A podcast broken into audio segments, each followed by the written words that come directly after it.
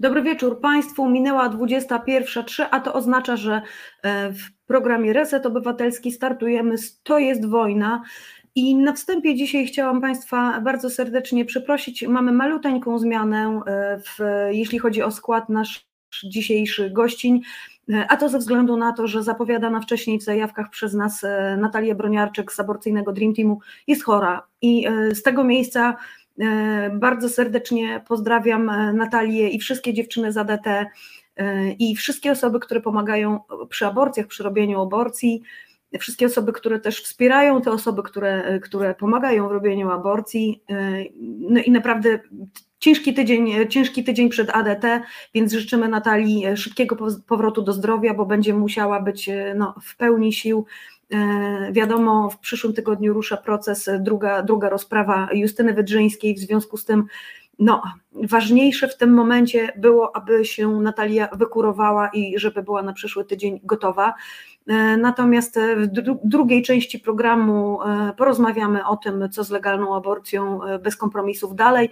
Ja przypominam też, że możemy już teraz do programu zadzwonić, to znaczy Państwo mogą do programu zadzwonić. E, I jeżeli macie Państwo pytania, to nie tylko na czacie, ale także teraz przez telefon możecie te, pytania nam zadać. E, witam wszystkich Państwa, którzy już z nami są i się witają na czacie bardzo serdecznie.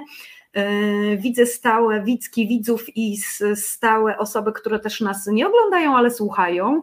Gdzieś w komentarzach się też czasami uaktywniają. Bardzo się cieszę, że nas tyle osób już tutaj jest. E, I też cieszę się, że są e, już z nami w naszej wirtualnej poczekalni e, pozostałe gościnie, które na dzisiaj też były zapowiadane i temat bardzo gorący i bardzo mojemu sercu bliski. Wiem, że części z Państwa też jest to sprawa, która no, spędza sens powiek i nie daje żyć spokojnie.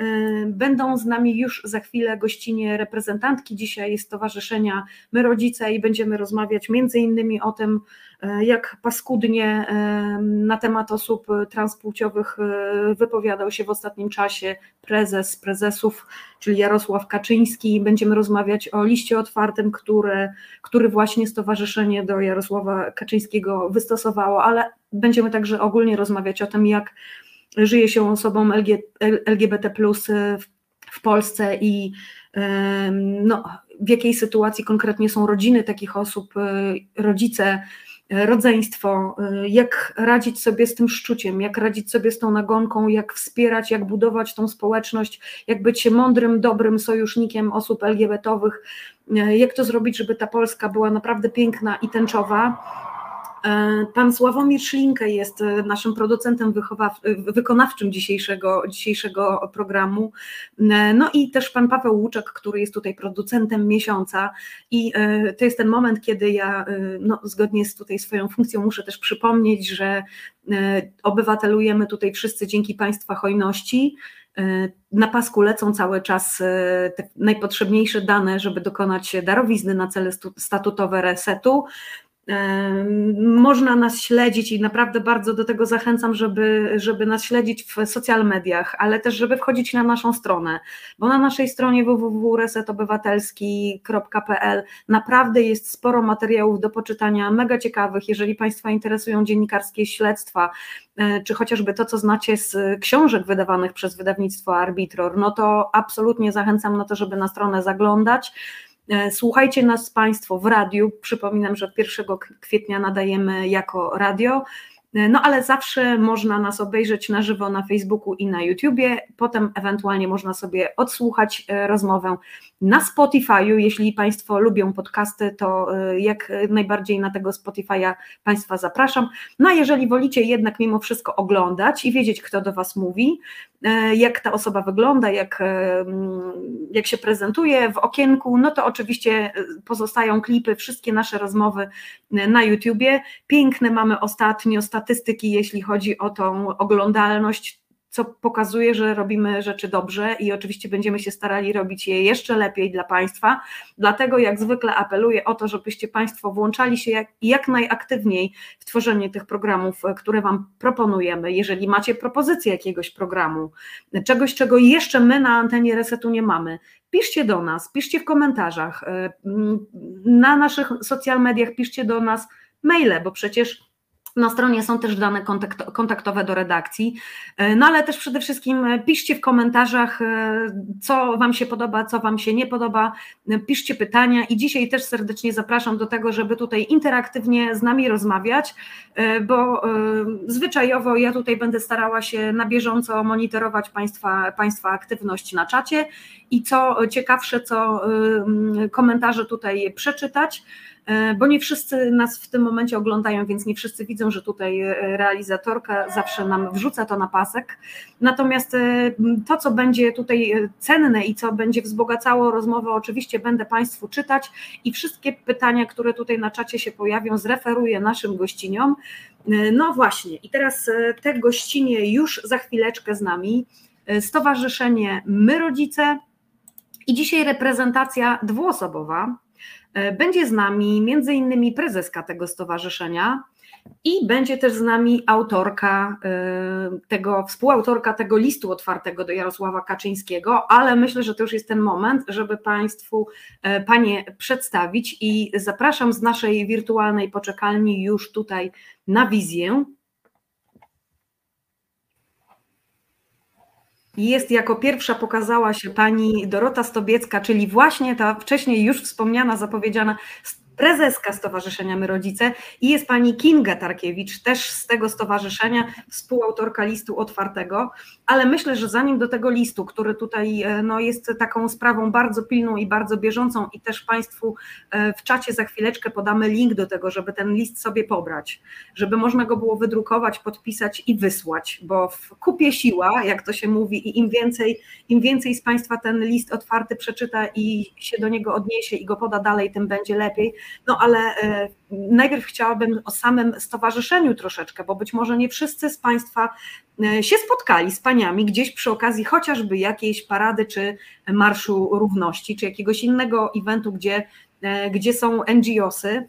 E, pani Doroto, Pani Kingo, bardzo serdecznie Was witam. Cieszę się, że zgodziły się Panie na to, żeby przyjąć nasze zaproszenie.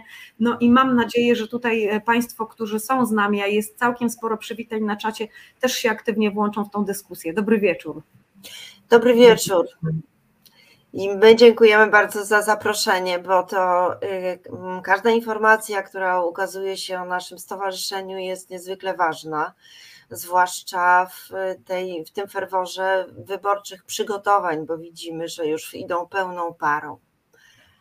Y, mm, stowarzyszenie nasze, bo o to pani pytała, y, mm, jesteśmy w jakimś sensie dziećmi Akademii Zaangażowanego Rodzica. To jest niezwykle ważny punkt, y, dlatego że stamtąd się w jakimś sensie wywodzimy. Proszę sobie wyobrazić taką sytuację, że rodzą się ruchy LGBT-owskie, młodzież się aktywizuje i nagle ktoś dostrzega, że ci wszyscy młodzi ludzie skądś, y, y, skądś są, mają rodziców, mają rodziny, które nie rozumieją o co chodzi. Y, mhm. Kochają, chcą wiedzieć, ale kompletnie nie rozumieją o co chodzi bo do tej pory z wszystkim, z czym się spotkali, to była tylko i wyłącznie homofobia. E, nic więcej nie dostaliśmy w jakimś sensie z naszego, ani z naszej edukacji, ani z szeroko rozumianego przekazu społecznego. E, w związku z tym, e, w momencie coming outu naszych dzieci staliśmy dosyć bezradni i bezbronni. Y, pierwsze rzeczy, jakie towarzyszą wtedy rodzinie, to jest po pierwsze zaskoczenie, niezależnie od tego, jak bardzo akceptująco reaguje na to. Bo mhm. ci z nas, którzy i te z nas, które występują w tego typu programach, oczywiście są osobami akceptującymi i to od samego mhm. początku. Niemniej jednak dla wszystkich rodzin to jest wielki, wielki proces y, i ten proces musi być wsparty wiedzą. Mhm. I wracam tu ponownie do Akademii Zaangażowanego Rodzica. W kampanii przeciw homofobii Katarzyna Remin wpadła na pomysł, żeby za, wraz z zespołem, żeby zorganizować, zainteresować rodziców, dać im jakąś wiedzę bo to jest, bo nie tak łatwo jest dotrzeć do mm, wiedzy, bo to jest wiedza specjalistyczna. Jeśli zaczniemy jej szukać y, w internecie, w książkach, to okaże się, że część z nas po prostu, mówiąc kolokwialnie, odpadnie po pięciu stronach, kiedy dojdzie do gonad, y, dojdzie do różnych y, nazw bardzo trudnych i dowie się, że nie ma płci biologicznej. Za to jest osiem innych, które są definiowane w taki czy inny sposób. I stąd y, wydaje mi się, że jest niezwykle ważne, że wiedza, którą rodzice dostali, y, to jest. Tam było, była miejsce, było miejsce na dyskusję, było miejsce na to, żebyśmy mogli o coś zapytać. Jako rodzice osób LGBT wywodzimy się oczywiście z najprzeróżniejszych zawodów i środowisk. Mhm. Podobnie jak te 10% osób LGBT w, w populacji. W związku z tym y, ta akademia spełniła i pełni cały czas, bo cały czas funkcjonuje, mhm. ogromną rolę, y, bo wskazała na to, że ci, po pierwsze, że wszyscy, y, całe środowisko LGBT nie wzięło się, nie spadło nam z kosmosu ma rodziców, ma wujków, babcie, ciocie, rodzeństwo. Y, mm, trzeba pamiętać, że te wszystkie dzieci, które urodziliśmy, y, mają nasze nosy, nasze us, uszy, nasze ręce y, i są cały czas nasze.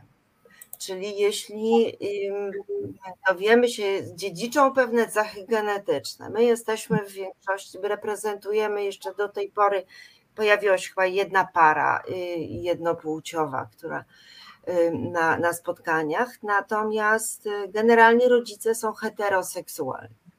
Mhm. Y, I tutaj jeszcze wprowadziłabym taki wątek, że myśmy sobie wszyscy uświadomili, że jesteśmy cis hetero. Wcześniej w ogóle nie wiedzieliśmy, że mamy takie, y, że jesteśmy tak definiowani w literaturze bo to, że mamy te, te polaryzacje homo-hetero, że to jest to przeciw, przeciwieństwo, no to było pewnie czytelne dla wszystkich od zawsze.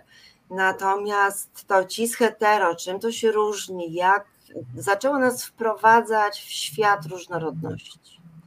Mhm.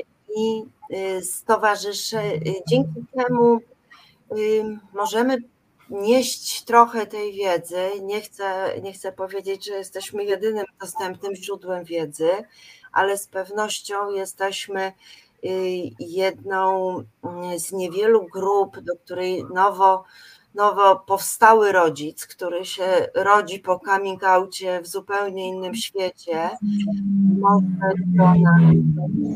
może z nami porozmawiać. Y, sami Państwo wiecie, to jest w bardzo różnych życiowych sytuacjach wspólnota doświadczeń jest niezwykle ważna, e, bo daje oparcie bez względu na to, skąd pochodzimy, jakie mieliśmy do tej pory poglądy.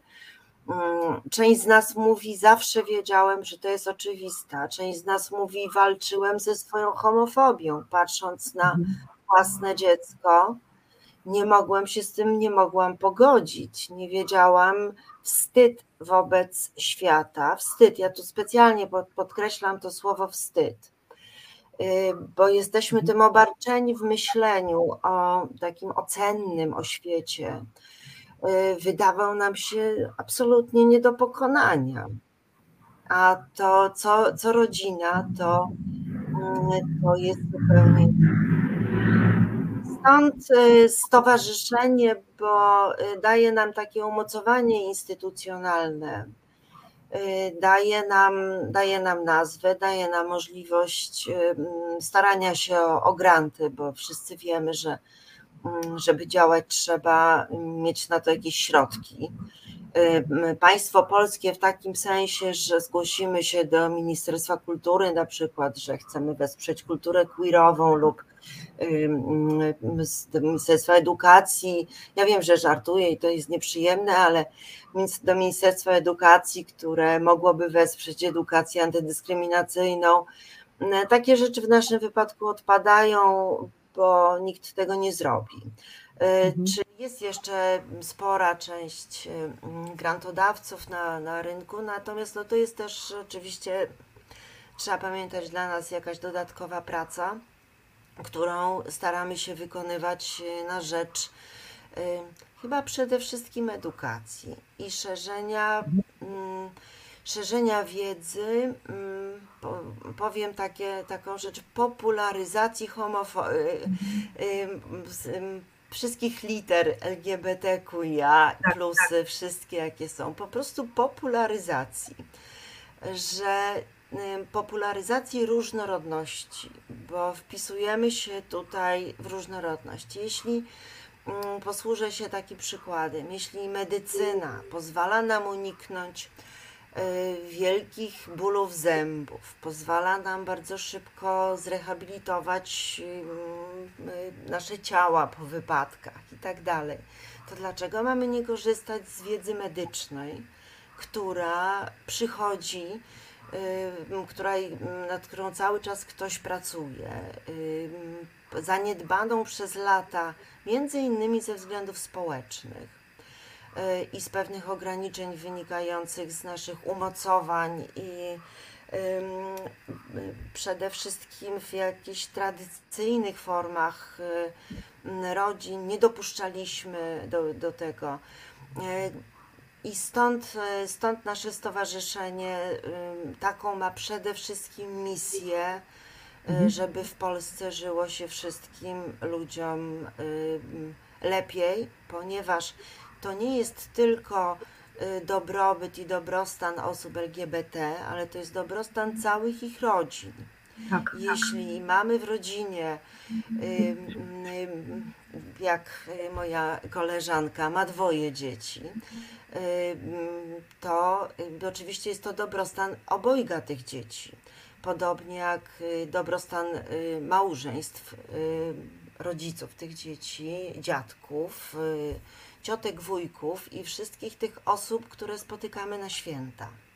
Bo te święta są takim symbolicznym punktem zapalnym, czy ktoś nas zaprosi i czy my kogoś zaprosimy, lub czy zaprosimy własne dziecko to też jest e, niezwykle ważne, a przytoczę tutaj statystykę, że my reprezentujemy tutaj te 25% rodziców, którzy jawnie, ja, słowo jawnie jest tutaj oczywiście ironiczne, akceptują swoje dzieci, starają się właśnie popularyzować tę wiedzę, mówić o tym, e, czyli gdzieś 75% jest y, albo we własnym wstydzie, albo nie miała do tej pory okazji rozmawiać na temat y, i swoich dzieci, i mm, homoseksualności, transpłciowości, biseksualności, która z taką samą mocą występuje w bardzo małym mieście, na wsi, jak i w Warszawie.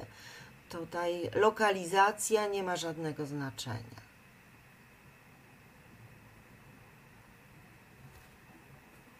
Pani Dominiko, jest Pani wyciszona. A, jestem wymutowana. E, nie wiem, czy, widzowie, którzy nas oglądają, e, pamiętają ten program Była tutaj u nas Justyna Nakielska z KPH i właśnie opowiadała o tej, opowiadała o tej akademii i opowiadała o tym, jak to się stało, że rodzice, którzy przyszli sami się jakby na początek wzmocnić, przyszli się dowiedzieć pewnych rzeczy, e, przeszli bardzo szybko taką skróconą drogę, od e, bycia zagubionymi takimi osobami, które dopiero musiały jakby nabyć tej wiedzy, skonfrontować się z doświadczeniami innych osób, a potem od razu bardzo szybko pokonały ten dystans do bycia rzecznikiem, do bycia aktywistą na rzecz właśnie praw osób. I teraz, proszę Państwa, to są właśnie te pionierskie osoby, bo rozumiem, że to stowarzyszenie, tak jak tutaj pani Dorota powiedziała, wykonstytuowało się po prostu z tej pierwszej takiej grupy rodziców, którzy na, w Akademii wzięli udział. No i jakaś taka grupa się, jakaś taka grupa się wytworzyła, e, która e, po prostu była gotowa do tego, żeby nie tylko się zmierzyć jakby z sytuacją u siebie w domu, ale także, żeby wyjść na zewnątrz i zacząć się organizować i pomagać też innym osobom. No i tutaj tak chciałam na, na gorąco, na bieżąco podpytać Pani Kingo, czy Pani była też w tej takiej pierwszej edycji um, Akademii i czy Pani była jedną z tych osób, które jako pierwsze tak zdecydowały, żeby po prostu brać sprawy w swoje ręce? Myślę, że to też wymaga jakichś takich naprawdę y, dużych kompetencji, i takiej dużej odwagi i otwartości cywilnej, takiej osobistej, żeby nie tylko jakby zająć się sytuacją i swoim własnym dzieckiem, ale jeszcze wyjść do innych osób i mieć w sobie tą taką chęć do pomagania. Mhm. E, ja powiem tak, e, ja jestem członkiem stowarzyszenia takim bardzo, bardzo, bardzo świeżym, e, bo kilkutygodniowym i od razu wpadłam w wir tych wydarzeń, które, które tutaj dookoła się dzieją. Także ja nie byłam w tej grupie, która była jako w jednej z pierwszych grup, która, która kończyła właśnie Akademię Zaangażowanego Rodzica. Ale jeżeli chodzi o taką odwagę i, i o to, co robimy, yy, wie pani, jak jestem rodzicem i mam dzieci, ja mam akurat dwoje dzieci, jedno z moich dzieci jest dzieckiem transpłciowym, yy, ale to nie ma znaczenia. Jeżeli pojawia się jakiś osiłek, który werbalnie bądź fizycznie zaczyna w cudzysłowie szturchać i popychać moje dziecko, albo znajduje się inna grupa na podwórku, która zaczyna dokuczać mojemu dziecku, co robi rodzic? Rodzic interweniuje. Rodzic tak. staje w obronie swojego dziecka. I tak naprawdę dla mnie to, co ja robię w tej chwili, moje dzieci są pełnoletnie. Mam 20-letnią córkę, 23-letniego syna, ale to nie ma znaczenia. Moje dzieci są dla mnie dziećmi i mhm. Ja sobie nie wyobrażam innej sytuacji niż taka, w której jeżeli w jakikolwiek sposób moje dziecko jest obrażane, wyszydzane, bądź daje się przyzwolenie słowami, które się wypowiada, na to, żeby dehumanizować moje dziecko, żeby przypisywać mojemu dziecku jakieś ogólnoświatowe zło, y, to ja mam obowiązek reagować, ja mam obowiązek coś robić. Yy, nawiązując jeszcze do tego, co też Dorota mówiła o tych walorach edukacyjnych, yy, to jest szalenie ważne i tak naprawdę po to my to wszystko robimy, żeby szerzyć edukację, żeby szerzyć wiedzę, ale taką solidną wiedzę merytoryczną, medyczną, nie wiedzę opartą o poglądy, o, o propagandę, jakkolwiek by tego nie nazwać, bo ja y, mogę Mogę wierzyć w to, że reptilianie chodzą wśród nas, ale transpłciowość mojego dziecka nie ma z tym kompletnie nic wspólnego, z żadnymi poglądami. Czy ja mam poglądy prawicowe, lewicowe, y, czy ja jestem buddystką, czy ja jestem katoliczką, nie ma to żadnego znaczenia. To jest biologia, transpłciowość mojego dziecka, czy homoseksualizm mojego dziecka, czy biseksualizm mojego dziecka to, to się zupełnie nie mieści w kategoriach poglądów, a my niestety w tej chwili mamy taki dyskurs, który się opiera przede wszystkim o poglądy, a nie o wiedzę medyczną.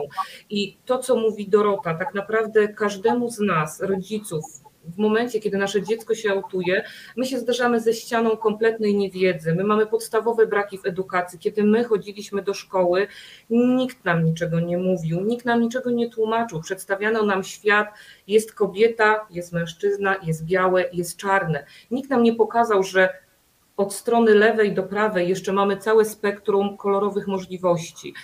E, I to, co my teraz robimy, to my po to wszystkich dookoła edukujemy, po to rozmawiamy z każdą osobą, która chce z nami merytorycznie rozmawiać, żeby pomóc każdemu kolejnemu rodzicowi, każdej kolejnej mamie, tacie, dziadkowi, babci zrozumieć i wesprzeć, wspomóc nasze dzieci. Tylko po to to robimy, tak? I w moim odczuciu ja nie widzę siebie jako osoby ekstremalnie odważnej, y, posiadającej dużą odwagę cywilną, śmiałość. Ja widzę siebie po prostu jako rodzica, realizuje swój obowiązek rodzicielski, a mocno wierzę w to, co robię, bo proszę mi wierzyć, że ja w tej chwili w tygodniu, właściwie nie ma tygodnia, żebym nie odbywała rozmowy z rodzicem. Nawet dzisiaj rozmawiałam z mamą, gdzie dziecko, szukając wsparcia i pomocy i zrozumienia, dotarło y, do stowarzyszenia, dotarło do grupy Transport w rodzinie na Facebooku, gdzie y, w kilka osób dzieckiem się opiekowaliśmy i gdzie dziecko mnie poprosiło, bardzo panią proszę, niech pani porozmawia z moją mamą, bo ja nie wiem, jak mam wytłumaczyć, nie wiem, jak mam powiedzieć. Dzwonię do mamy i to jest scenariusz za każdym razem jest taki sam. Ja się przedstawiam i mam płacz po drugiej stronie i czekam 5 minut, 10, 15, czekam, aż minie płacz i rodzic jest w stanie zacząć rozmawiać. I zaczynamy od początku, od podstawowej wiedzy bazowej, gdzie szukać informacji, skąd czerpać wiedzę. Wysyłam ulotki, wysyłam książki, kieruję do stowarzyszenia, kieruję na grupy, e, do różnego rodzaju stowarzyszeń, również innych, które, które e, dają wiedzę też medyczną i pomoc, i wsparcie, i medyczne, i prawne, i finansowe. Ale wszystko to robię właśnie po to, żeby szerzyć wiedzę i żeby pomóc rodzicom, po prostu pomóc rodzicom realizować ich rodzicielski obowiązek. Czy ja dobrze zrozumiałam, że y, to jest taki kawałek o tym, że nie każdy jakby z tych osób, nie każda z tych osób, która jest w stowarzyszeniu, ma takie zapędy aktywistyczne, ale to zaangażowanie wynika raczej z tego, że właśnie macie Państwo świadomość, że nie da się jakby we własnym tylko domku zamknąć tego tematu, tylko że dziecko wychodzi gdzieś dalej w system całego społeczeństwa i im więcej się rozmawia w całym społeczeństwie, im lepszy, wyższy poziom świadomości, im lepiej z tą tolerancją i z tą empatią będzie, tym po prostu każdemu z waszych dzieci będzie lepiej się żyło. Czy to jest o każdemu tym trochę? z nas będzie, każdemu, każdemu z nas będzie się Pani Dominiko lepiej wtedy żyło. Ja mam tak naprawdę jedno takie marzenie. Kiedy ja byłam mała i w szkole było dziecko leworęczne, zresztą ja sama byłam leworęczna i przeszłam przez ten etap właśnie zmuszania mnie do praworęczności, dzisiaj jestem oburęczna dzięki temu, y, ale wtedy to było strasznie negatywne zdarzenie. O Boże, leworęczny, tak? Y, dzisiaj, jakie to ma znaczenie, którą ręką prezydent podpisuje ustawy, prawda? Y, a nasz prezydent, y, można zwrócić uwagę, jest leworęczny. Nie ma to żadnego znaczenia. Ja mam takie marzenie, że kiedyś temat każdej osoby ze środowiska LGBT, nieważne spod jakiej jest literki, będzie właśnie taki że ja nie będę musiała rozmawiać o tym, że ja mam transpłciowe dziecko, tylko ja będę mogła opowiadać o tym, że moja córka jest prześliczną dziewczyną, świetnie mówi po angielsku, montuje fantastyczne filmy, ma absolutnie genialną wiedzę historyczną i to będzie temat rozmów na temat moich dzieci, tak? Tak, rozumiem, że chodzi o to, żeby istotna była e, osoba, a nie jakaś tam jedna z cech, która w tym momencie po prostu no, jest e, przed tak. tą osobą, jest ważniejsza niż ta osoba. Pani Dorota kiwa tutaj głową, Pani Doroto, a ja jeszcze chciałam zapytać, bo cały czas jakby do tych początków tej grupy e, chcę dotrzeć, od ilu tych osób aktywnych się zaczęło, a, ile mamy w tym momencie? Y, to jest zawsze entuzjazm i zaczęło się, myślę, że tu warto przypomnieć jeszcze osobę, która nie jest w naszym stowarzyszeniu, ale była jedną z pierwszych odważnych polskich matek, to jest pani Elżbieta Szczęsna, która, y, która była bardzo, aktywist, y, bardzo aktywnie działała. Natomiast myśmy stowarzyszenie założyli w 2018 roku, kiedy okazało się, że mm, jest już bardzo, bardzo dużo Y, y, ludzi, którzy chcieliby to zrobić. Jest nas y, czy dużo, czy mało, około 60-70 osób. Natomiast w większości osoby, które skończyły AZR, czy, czy gdzieś się z nami spotkały w jakiejś, na jakiejś płaszczyźnie, ale tutaj też ważna jest dynamika rozwoju tych grup rodziców osób transpłciowych. To się zaczęło jakieś 3 lata temu, cztery, y, trzy. Y, niezwykle jest to ważne, bo jest robiona wyjątkowo dobra robota. Tak jakby wcześniej osoby w ogóle transpłciowe były niewidzialne. i opowiadano sobie historie, które trochę jak z innego świata, a tak naprawdę po prostu osoby transpłciowe są wśród nas i, i, i tak dalej, mają rodziców, dziadków, wujków i w związku z tym te, ten aktywizm, skąd to się wzięło? Chyba ze złości, ja bym powiedziała, z takiej z, ze złości, że już rządził PiS, ale i też to, co się działo wcześniej, czyli cały czas jesteśmy na coś niegotowi. Jesteśmy gotowi na to, żeby polecieć do Tajlandii, na Zanzibar, że możemy różne rzeczy robić, natomiast jesteśmy niegotowi, żeby zobaczyć, że mamy homoseksualnego sąsiada, bo to strasznie nas, nas razi. Co wzmacniało takie postawy oczywiście protekcjonalności, bo trzeba pamiętać, że to się rozlewa. Jeżeli lecimy na wakacje, specjalnie do tego nawiązuję, to też powinniśmy lecieć i to jesteśmy w takim miejscu, w którym chcemy poznać tę kulturę, zobaczyć jak ci ludzie żyją, a nie przylatywać z takim gotowym postkolonialnym scenariuszem. Trochę się to tak przekłada. Na co jesteśmy niegotowi? Na poznanie tego człowieka, czy na przyznanie im należnych im praw, bo nie przywilejów. Jeżeli osoby dostaną prawo do związków małżeńskich, to nie jest to przywilej, bo my jesteśmy tacy dobrzy jako grupa heteroseksualna, silniejsza albo większa, tylko dostaną swoje, dostaną swoje równe prawa. Tutaj podkreślamy z Kingą, że w momencie coming outu naszych dzieci tracimy prawa. Nasze dzieci nie mogą zawrzeć związków, nie mogą mieć tych wszystkich praw, które powiedzmy ma drugie dziecko w rodzinie, które pozostaje, które jest heteroseksualne. I tak nagle, nagle nam się je odbiera, bo ktoś powiedział, że jest, że, że taki jest, że po prostu tak samo, przecież może powiedzieć mamo, ty jesteś heteroseksualna, a ja jestem homoseksualny czy homoseksualna. I to, to jest jedna, jedna z tych cech, która co powoduje? Tylko i wyłącznie to, że, że nawiążę relacje z osobą tej samej płci. I to, I to jest wszystko. I powracam do tego, że nadal ma ten człowiek jakieś zainteresowania, jakiś koloroczu, jakieś hobby, mhm. jakąś ścieżkę kariery, którą sobie wybiera. I tak samo jak nikt nas nie pyta, co, co my robimy po 16, zwracam tu uwagę na język. Jeśli dokonujemy coming outu jako rodzice, to największym przejawem tolerancji jest powiedzenie: Mnie nie interesuje, kto z kim śpi. Mnie też nie, ale to widać, że jedyna, jedyna ścieżka jest właśnie na to naprowadzona. To jest właśnie ścieżka seksualności i jedyna cecha, którą widzimy.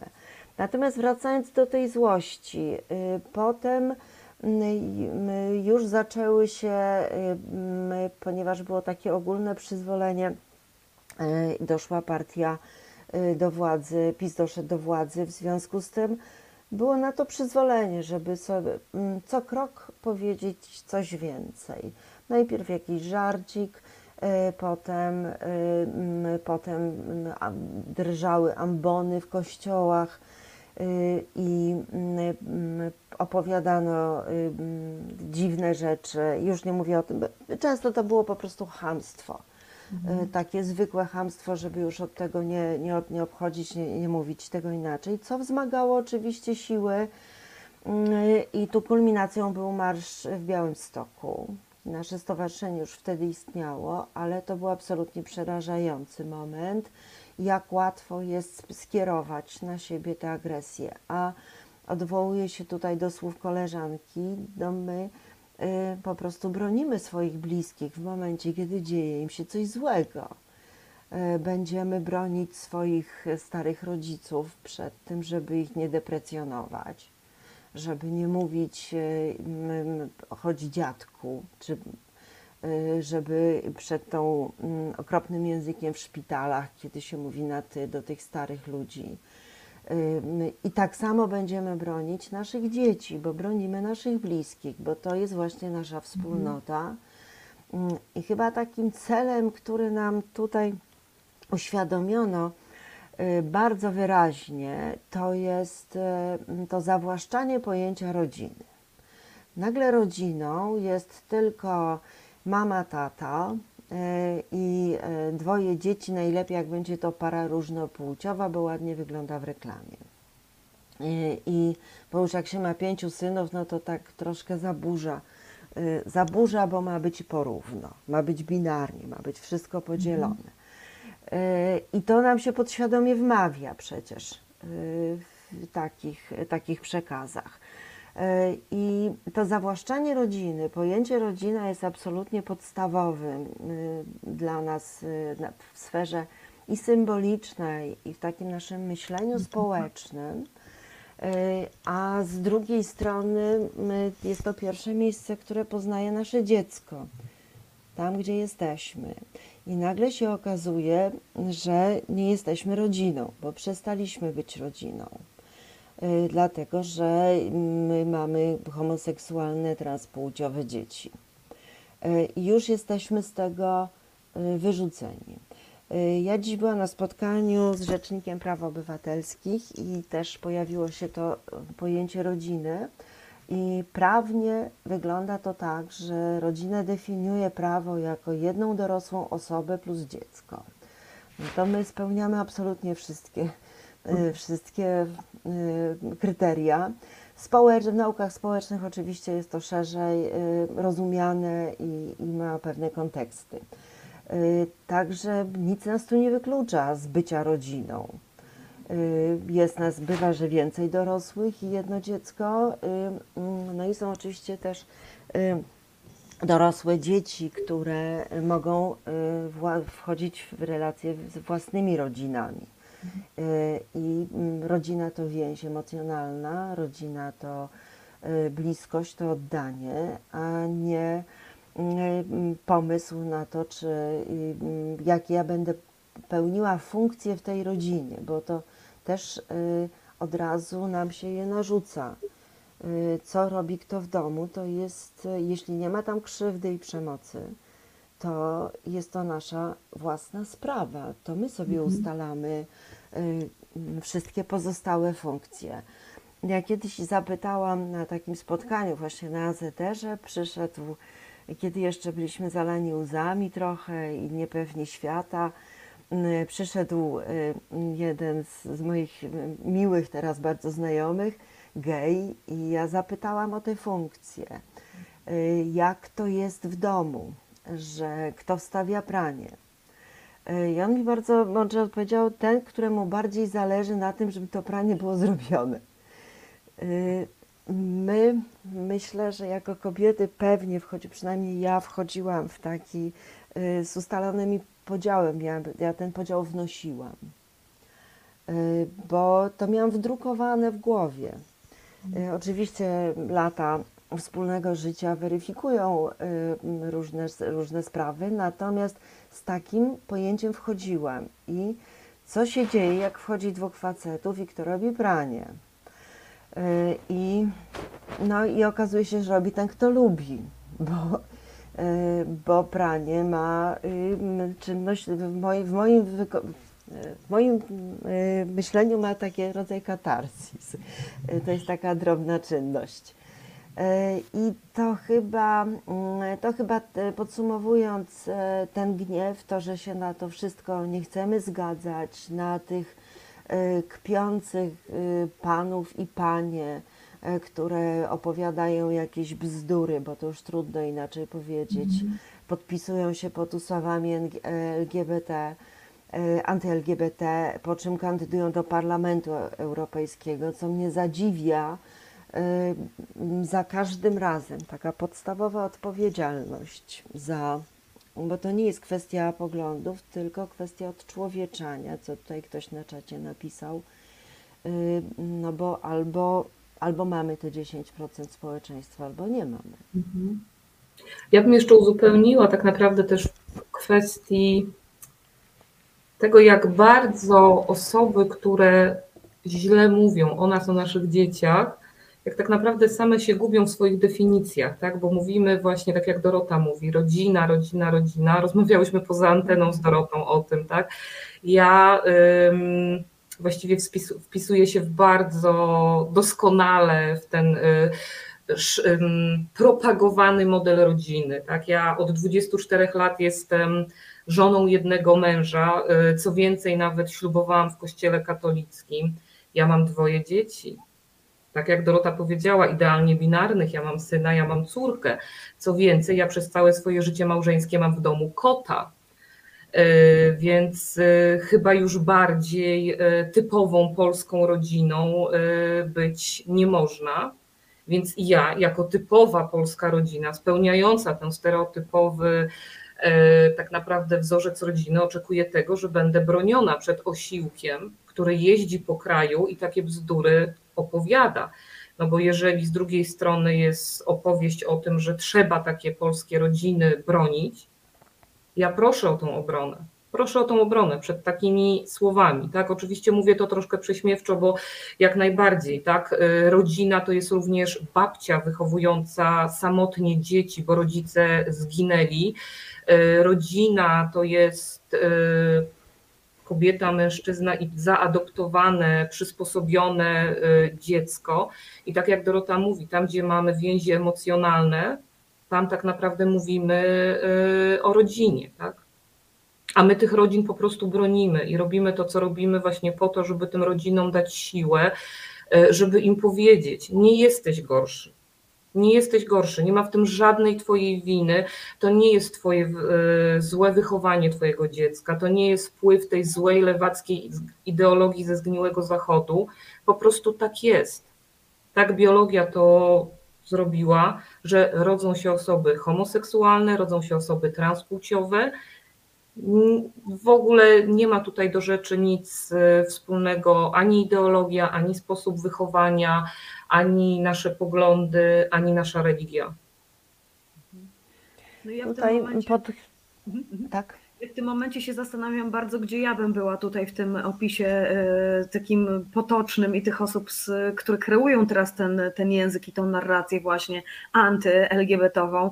E, jako samotna mama, samodzielna mama e, z trójką dzieci, z których jedno jest niebinarne, e, drugie jest nieheteroseksualne. I, i sama też nie jestem osobą heteroseksualną, więc w tym momencie po prostu, no ja absolutnie w odróżnieniu tutaj od pani pani Kingo, no nie jestem tą modelową, typową tutaj reprezentacją, ale przecież jeżeli ktoś nie wie, z kim ja się spotykam, jakie ja mam preferencje, nie wie o moich dzieciach pewnych rzeczy, y, czy chociażby nie wie, które z tych dzieci jest które, z tą cechą jakąś tam przypisaną, a jest jeszcze jedno, które jest e, cis hetero i, i tutaj jakby jest ta zawsze łamigłówka. Jeżeli ktoś nie wie, no to może się zastanawiać, które to dziecko jest, to które, tak?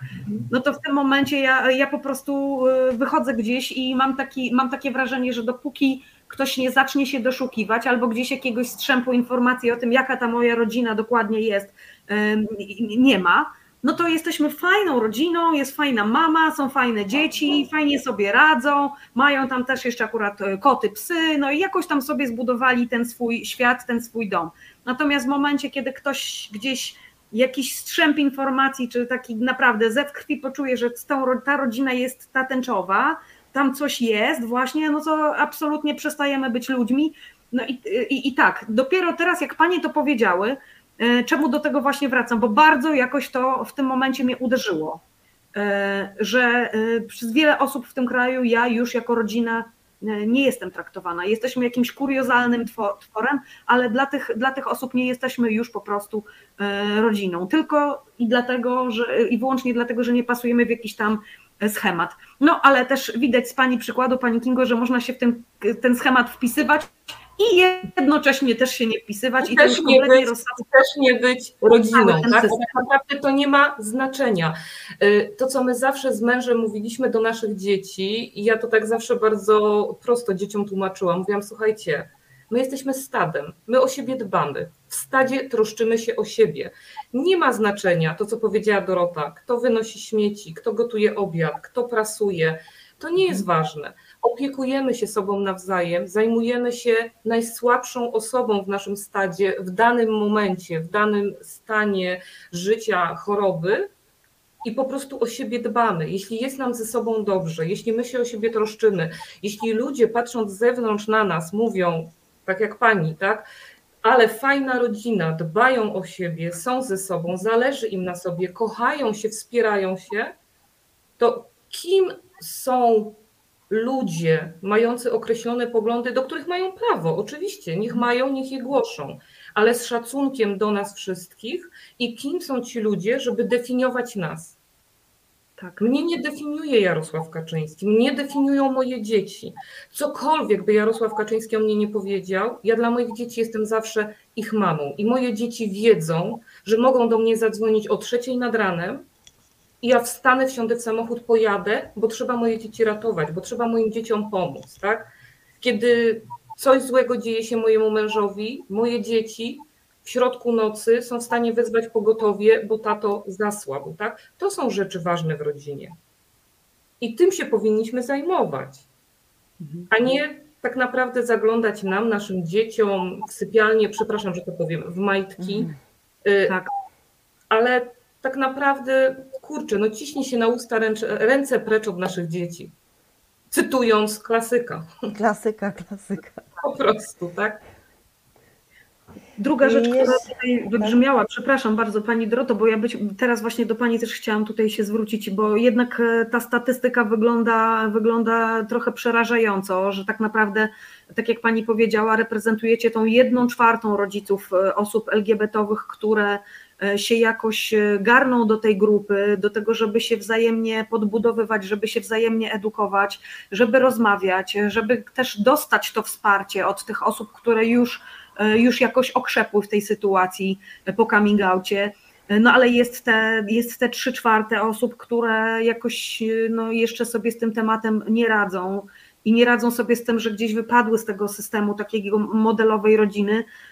Mnie to strasznie martwi i chciałam tutaj podpytać, jakie są te najczęstsze pierwsze reakcje, jak do Was ludzie trafiają, E, z jakim bagażem te osoby wchodzą, e, ci rodzice, którzy do Was gdzieś tam się zwracają, e, a z czym, z czym możecie przypuszczać, że zostają te osoby, które się jednak na to nie decydują, żeby poszukać kontaktu z taką grupą jak Wasza? Y, pierwsza rzecz to są dwie drogi, y, dzięki którym trafiają do nas rodzice. Y, sami szukają tego kontaktu, jest już w tej chwili łatwiej, bo mamy kanały komunikacyjne a druga rzecz to są dzieci. Dzieci, które chcą pomóc tym zrozpaczonym rodzicom i często widzą y, ich y, głębokie przywiązanie i miłość. Myślę o rodzicach, którzy wpadli w taką społecz społeczną pułapkę, często społeczno-religijną, z której nie umieją kompletnie wyjść. Y, I to, co my w tej chwili robimy, mamy oczywiście telefon, można zawsze zadzwonić i znaleźć jakieś wsparcie, pocieszenie, rozmowy. Dzwonią również dzieci, y, które chcą pomóc swoim rodzicom. To jest taka sytuacja, kiedy dziecko nastoletnie, bywa, że dorosłe, y, patrzy na swoją zrozpaczoną i bezradną matkę, która jest w tych e, skuta tymi społecznymi zależnościami i kompletnie nie, nie ma języka, e, nie ma wiedzy, no to, to jest, ale jest bardziej tymi elementami, co sąsiedzi powiedzą. Tym jest po prostu owinięta szczelnie jak bandażem i one, nie mog- one to widzą i bo w rodzinie wszyscy się kochają wzajemnie, czyli dzieci rodziców i i rodzice dzieci, więc y, ta troska rodziców, y, dzieci jest również bardzo, bardzo istotna. I stąd się to bierze, że dzwonią do nas, pytają, jak to zrobić. Są bezradni często, pytają, jak to było, jak to było u pani, chcą wysłuchać jakiejś kolejnej historii. Często pytam, z kim mogą rozmawiać, czy jest ktoś wokół nich, z kim mogliby porozmawiać Pytam również, czy mają pójść do kogo do spowiedzi, bo jeżeli są wierzący, to być może, jeśli chodzą do spowiedzi i no to spowiadają się z jakichś elementów swojego życia, y, tam gdzie uważają, że to jest konieczne, y, to może tam znajdzie się ktoś, kto y, zechciałby ich wysłuchać. Przecież jeżeli uczestniczę w tym życiu religijnym, y, to ja nie jestem tutaj zwolenniczką tego, żeby zamykać kompletnie wszystkie dostępne sposoby na życie, jakie były do tej pory. Czyli y, chodziłam przez 70 lat do kościoła, bo dzwonią również babcie. Y, I, tyle, I w tej chwili przestanę chodzić, bo y, będzie mi bliska jakaś liberalna czy lewicowa światopogląd będzie mi bliski, więc to w ogóle nie, nie w tym rzecz. Ważne, żeby znaleźć tą drogę, która pozwoli dotrzeć, jakby zniszczyć, znieść bariery między mną a bliską osobą.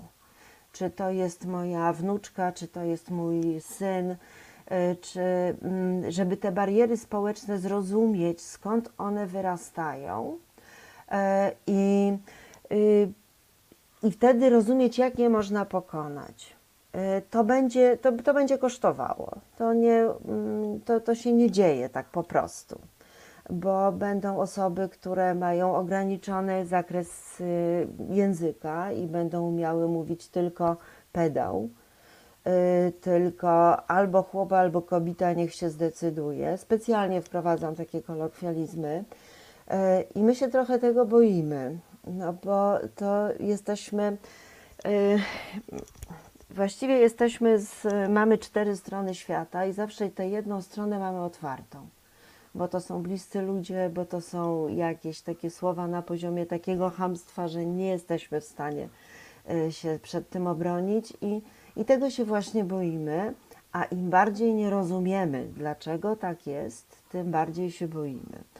Y, I te 75% my mamy w tej chwili trochę taki pomysł na to, Y, Organizujemy się w stowarzyszeniu mm, w różnych regionach Polski. I kiedy pojawia się telefon, do mnie ktoś dzwoni, do Kingi ktoś dzwoni, wtedy y, szukamy kogoś najbliżej, żeby mógł być fizycznie, spotkać się z tą osobą i z nią porozmawiać. Y, I oczywiście reakcje bywają takie, że jacyś rodzice mm, postanowili sobie za punkt honoru, że nigdy w życiu ich zdanie się nie zmieni.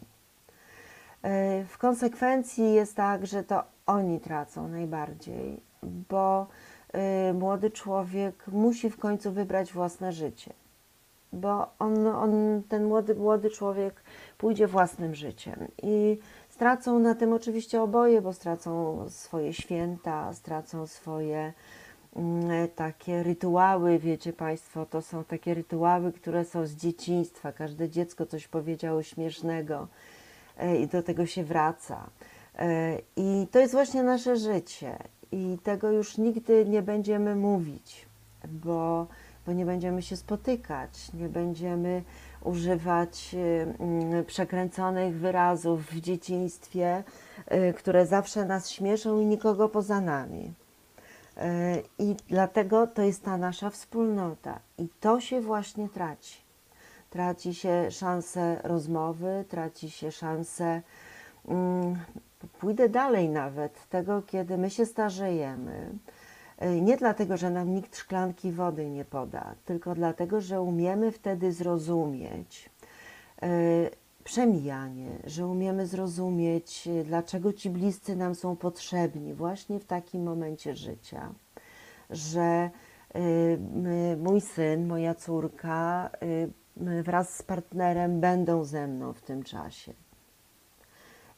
Bo to jest całość życia. Tam się nie traci tylko i wyłącznie czci, mówię to w cudzysłów, y, czci, bo sąsiedzi się dowiedzą, że ja mam syna homoseksualnego. Y, Traci się to wszystko, co było i to, co nastąpi. To wcale nie musi być bardzo, bardzo, pie, ym, bardzo optymistyczne, co nastąpi, ale, no ale nastąpi w pewnym momencie. I dlatego staramy się do tych wszystkich to właśnie im powiedzieć, że nie muszą rozróżniać tych wszystkich gonad i dlaczego, która płeć od której. Może mogą tego nie zapamiętać. Natomiast budować na tej więzi, która jest między tymi ludźmi. Y, spotykamy się bardzo często, dziadkowie nie rozumieją, już nie, ch nie chce im się ale mówią jedno: jesteś moim wnukiem i kimkolwiek jesteś, jesteś moim wnukiem, wnuczką. Czy to jest tak, że ci dziadkowie...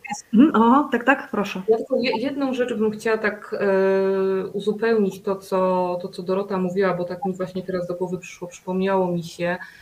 E, ja często jak rozmawiam z rodzicami, którzy do mnie dzwonią, e, powtarzam im jedną rzecz, którą ja usłyszałam od mojej kochanej cioci, która jest dla mnie bardzo ważna, jest dla mnie taką moją mamunią zastępczą.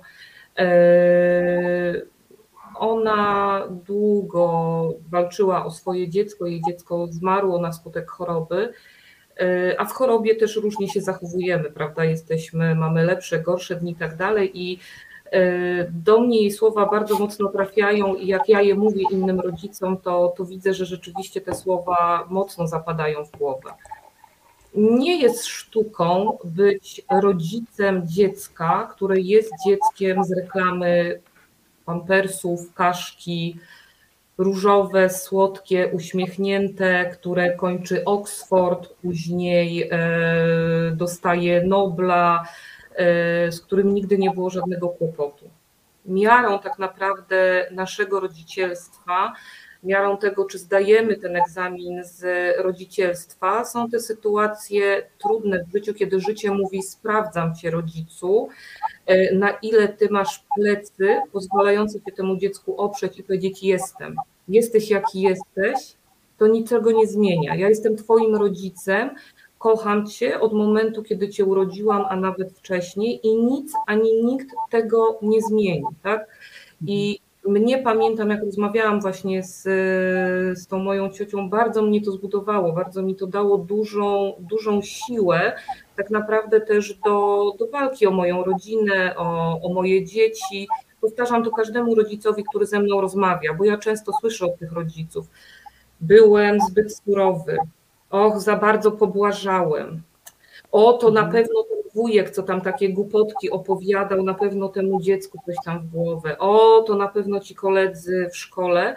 I staramy się znaleźć tak naprawdę winnego tej sytuacji i yy, znaleźć jakiś powód. Dlaczego? No dlatego po prostu, bo, bo tak, jedno dziecko rodzi się z astmą, drugie dziecko rodzi się z cukrzycą, trzecie dziecko rodzi się z jakąś inną y, dysfunkcją fizyczną bądź psychiczną, nasze dzieci rodzą się tęczowe. Po prostu.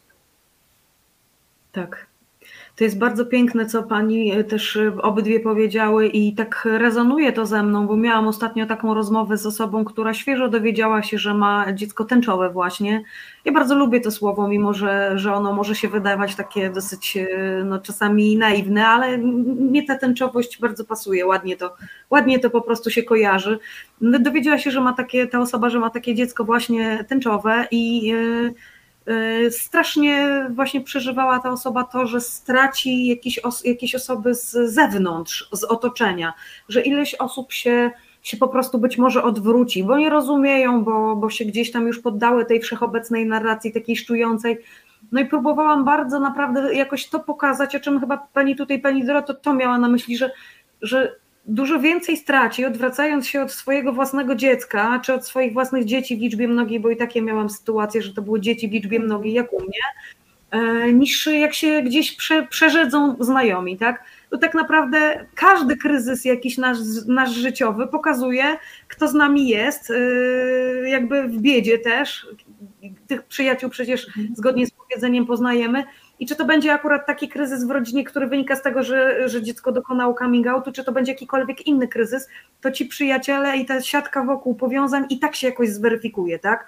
Natomiast Ale generalnie, wie Pani, jest tak, że ludzie w naszym życiu pojawiają się i znikają, przychodzą, są na chwilę. Y, no, nic nie trwa wiecznie, tak? Na danym etapie życia otaczamy się tymi ludźmi, którzy są nam w danym momencie w jakiś sposób y, potrzebni, z którymi mamy jakąś, jakąś chemię, my się zmieniamy, tak? Ci ludzie od nas odchodzą też nawet nie dlatego, że mamy dzieci, jakie mamy, tylko dlatego, że my się zmieniamy, dorastamy, dojrzewamy, idziemy w inną stronę, przeprowadzamy się. To jest proces naturalny, a trochę też tak naprawdę tęczowość naszych dzieci jest też testem jakości tego, jakimi ludźmi my się e, otaczamy, tak? Czy ja rzeczywiście zbudowałam sieć tych powiązań, e, takich ludzi pozytywnych, otwartych, z otwartą głową, akceptujących, nietolerujących. Ostatnio mi znajomy wytłumaczył, że tolerancja nie jest dobrym słowem, e, akceptujących. A jeżeli ktoś nie akceptuje mojego dziecka, do widzenia. Do widzenia. No, moje dziecko jest dla mnie najważniejsze. Dla mnie Mhm. ważne jest to, żeby akceptowało moje dziecko y, moi rodzice, moi teściowie, mój mąż, nasz syn. To jest ta akceptacja, której, której my potrzebujemy dla naszego dziecka. Każda inna. Idź w świat człowieku, tylko pamiętaj, nie krzywdź mojego dziecka. Mhm. Ja się tak trochę zastanawiałam właśnie w kontekście tej rozmowy, o której przed chwileczką mówiłam, dlaczego tak jest, że tej samej osobie, która kilka lat wcześniej zaliczyła taki krach zawodowy i w związku z tym też i finansową taką zapaść, i wtedy też oczywiście ci przyjaciele się zweryfikowali szybciutko, e, kto jest, kto jest w tej potrzebie obok, a kto nie jest. Mówię, dlaczego jest, wtedy było ci to jakoś tak łatwiej zrozumieć, a teraz jest ci to jakoś tak trudniej ci to przychodzi, że ci ludzie się zweryfikują. No i po takich kilku jakichś dociekliwszych bardziej pytaniach e, doszłam, że to jednak chodzi głównie o, w tym wypadku przynajmniej, chodziło głównie o to, że ta więź z tymi osobami spoza była dużo silniejsza niż ta więź z własnym dzieckiem, która nawet przed, e, przed tym e, przed tym coming outem była już jakoś nadwyrężona, czy też być może nawet nigdy nie zbudowana, taka silna, jak mogłaby być i, i w sumie powinna być. No i tak się zastanawiam, czy to jest możliwe, czy to jest dobry trop, czy dobrze myślę, że właśnie tam, gdzie ta więź, tam, gdzie ta więź po prostu między rodzicem a dzieckiem, między rodzicami a dzieckiem jest silna, jest dobra przed coming outem, to te coming outy jakoś lepiej, lżej przebiegają i ci rodzice szybciej się jakoś przestawiają. Natomiast tam, gdzie ta więź już wcześniej była taka nie, nie do końca dobrze zbudowana, nie taka silna, no to tam jest trudniej, czy to nie ma znaczenia, bo myślę, że tu Panie no, na podstawie tych wszystkich historii, które gdzieś już znacie z opowieści, to na pewno jakąś wizję na ten temat macie. Ja bym tego tak nie, nie kwalifikowała. Wydaje mi się, że mm, bardzo często w rodzinach, gdzie ta więź jest bardzo, bardzo silna, mhm. społeczne bariery, które są w rodzicach, nie pozwalają im tego pokonać. Mhm. I nie umiem do końca powiedzieć, jak im pomóc, bo no, musielibyśmy usiąść i przeanalizować cały system wychowania i tak dalej, i tak dalej. Wywodzimy się jeszcze z pokoleń, gdzie ocena była najważniejsza. Oceniano nas na każdym kroku, za wszystko kompletnie, że źle postawiłam nogę, albo że śmiesznie stawiam nogi, albo głupio stawiam nogi. I w takim świecie byliśmy wychowani. Jeżeli mamy dzieci, to mamy mieć również ku radości naszego otoczenia, czyli mają spełniać wszystkie absolutnie oczekiwania. Mhm. Pamiętamy te wszystkie, te wszystkie bzdury, że któraś wyszła taka ładna dziewczyna, wychodzi za brzydkiego faceta. Albo a ona taka wykształcona, a on taki niewykształcony. I każdy stoi, stoi na ślubie, my ich zapraszamy. Chcemy, żeby uczestniczyli w jakimś ważnym dla nas momencie, a ktoś mówi, że mam za brzydką sukienkę albo grubo w niej wyglądam. Więc w takim świecie po prostu żyliśmy. I przed to jest absolutnie wdrukowane w nasze głowy. I jeśli uda nam się z takimi rodzicami porozmawiać, oni się nie uwolnią absolutnie od wszystkiego, od wszystkich tych uprzedzeń, bo to będzie wychodziło też w, w, innych sytuacjach, na przykład w ocenie kobiet, które idą na ulicy. Jak się mogła tak ubrać, skoro ma grube nogi? No ale mhm. po prostu grube nogi są tak samo jej cechą, jak homoseksualność mojego dziecka. po prostu takie ma nogi koniec. Ubrała się, bo tak chce się ubrać. E, I mm, to są, mm, to, to nam bez przerwy towarzyszy i nie, mm, to ja bym kierowała do tych wszystkich, do tych wszystkich ludzi, których y, mm, po pierwsze jestem tu optymistką, bo rodzice, y, którzy się zmierzą z coming outem są coraz młodsi. Czyli już są w innym świecie wychowani, już mają, już są wychowywani w świecie i social mediów, i w mm, internetu, i w ogóle. W związku z tym y, na pewno nie będzie to tak traumatyczne jak dla dzisiejszych 60-latków czy powiedzmy 75-latków dziadków, y, którzy mm, nie bardzo umieją sobie z tym, z tym wszystkim poradzić. Y, I tutaj my z pewnością, niezależnie od przekazu propagandowego, będzie się to zmieniało, powiedziałabym, na naszą korzyść. Czyli te coming outy nie będą traumatycznymi przeżyciami całej rodziny, tylko mm, elementem dojrzewania dzieci, y, które jasno mówią, w jaką stronę chciałyby pójść, bo tak to czują i tak będą budowały swoje relacje, takie będą miały, będą prosiły swoich rodziców, jeśli są transpłciowe, o towarzyszenie im w tej tranzycji, w korekcie i w tych wszystkich no, skomplikowanych skądinąd medycznych procedurach. I tak wydaje mi się, że to by poszło w tą stronę i mm, zdecydowanie będziemy wydzierać te rodziny y, tej drugiej stronie, y, i mówić, y, mówić o tym, co, y, co rodzina traci. Y, Tak bardzo mm, to są nasze jedyne dzieci. Dzieci nie multiplikujemy sobie przez całe życie, bo to nam się przestało podobać, weźmiemy sobie inne. Y, mm, Kiedy nasze dzieci pojawiają się na świecie, trzeba pamiętać o tym, że dzieciństwo i ten okres, kiedy są od nas zależne lub bardzo do nas przywiązane w taki sposób, że nie mogą bez nas żyć, to jest bardzo krótki moment. A potem następne 40-50 lat przeżywamy z dorosłymi ludźmi, którzy mają swoje wady. Często widzimy samych siebie w nich. Y, mają, y, mają wady, mają, nie podjęli złe decyzje, y, z, zrobili takie rzeczy, które często naprawdę, z którymi musimy się mierzyć, bo moralnie są trudne bardzo do na przykład zaakceptowania. Mówię tutaj no, o, o jakichś tam rzeczach moralnie nagannych. I nie, nie mówię tu o seksualności, ale mówię o y, takich y, jakichś, nie wiem, sprawach, oszustwach, innych rzeczach. I to też, no, też robią jacyś ludzie, których ktoś urodził. Y, I też się nie wzięli y, znikąd. Czyli to wszystko może się również zbiec i w naszym życiu w, jaki, w jakiś tam y, sposób.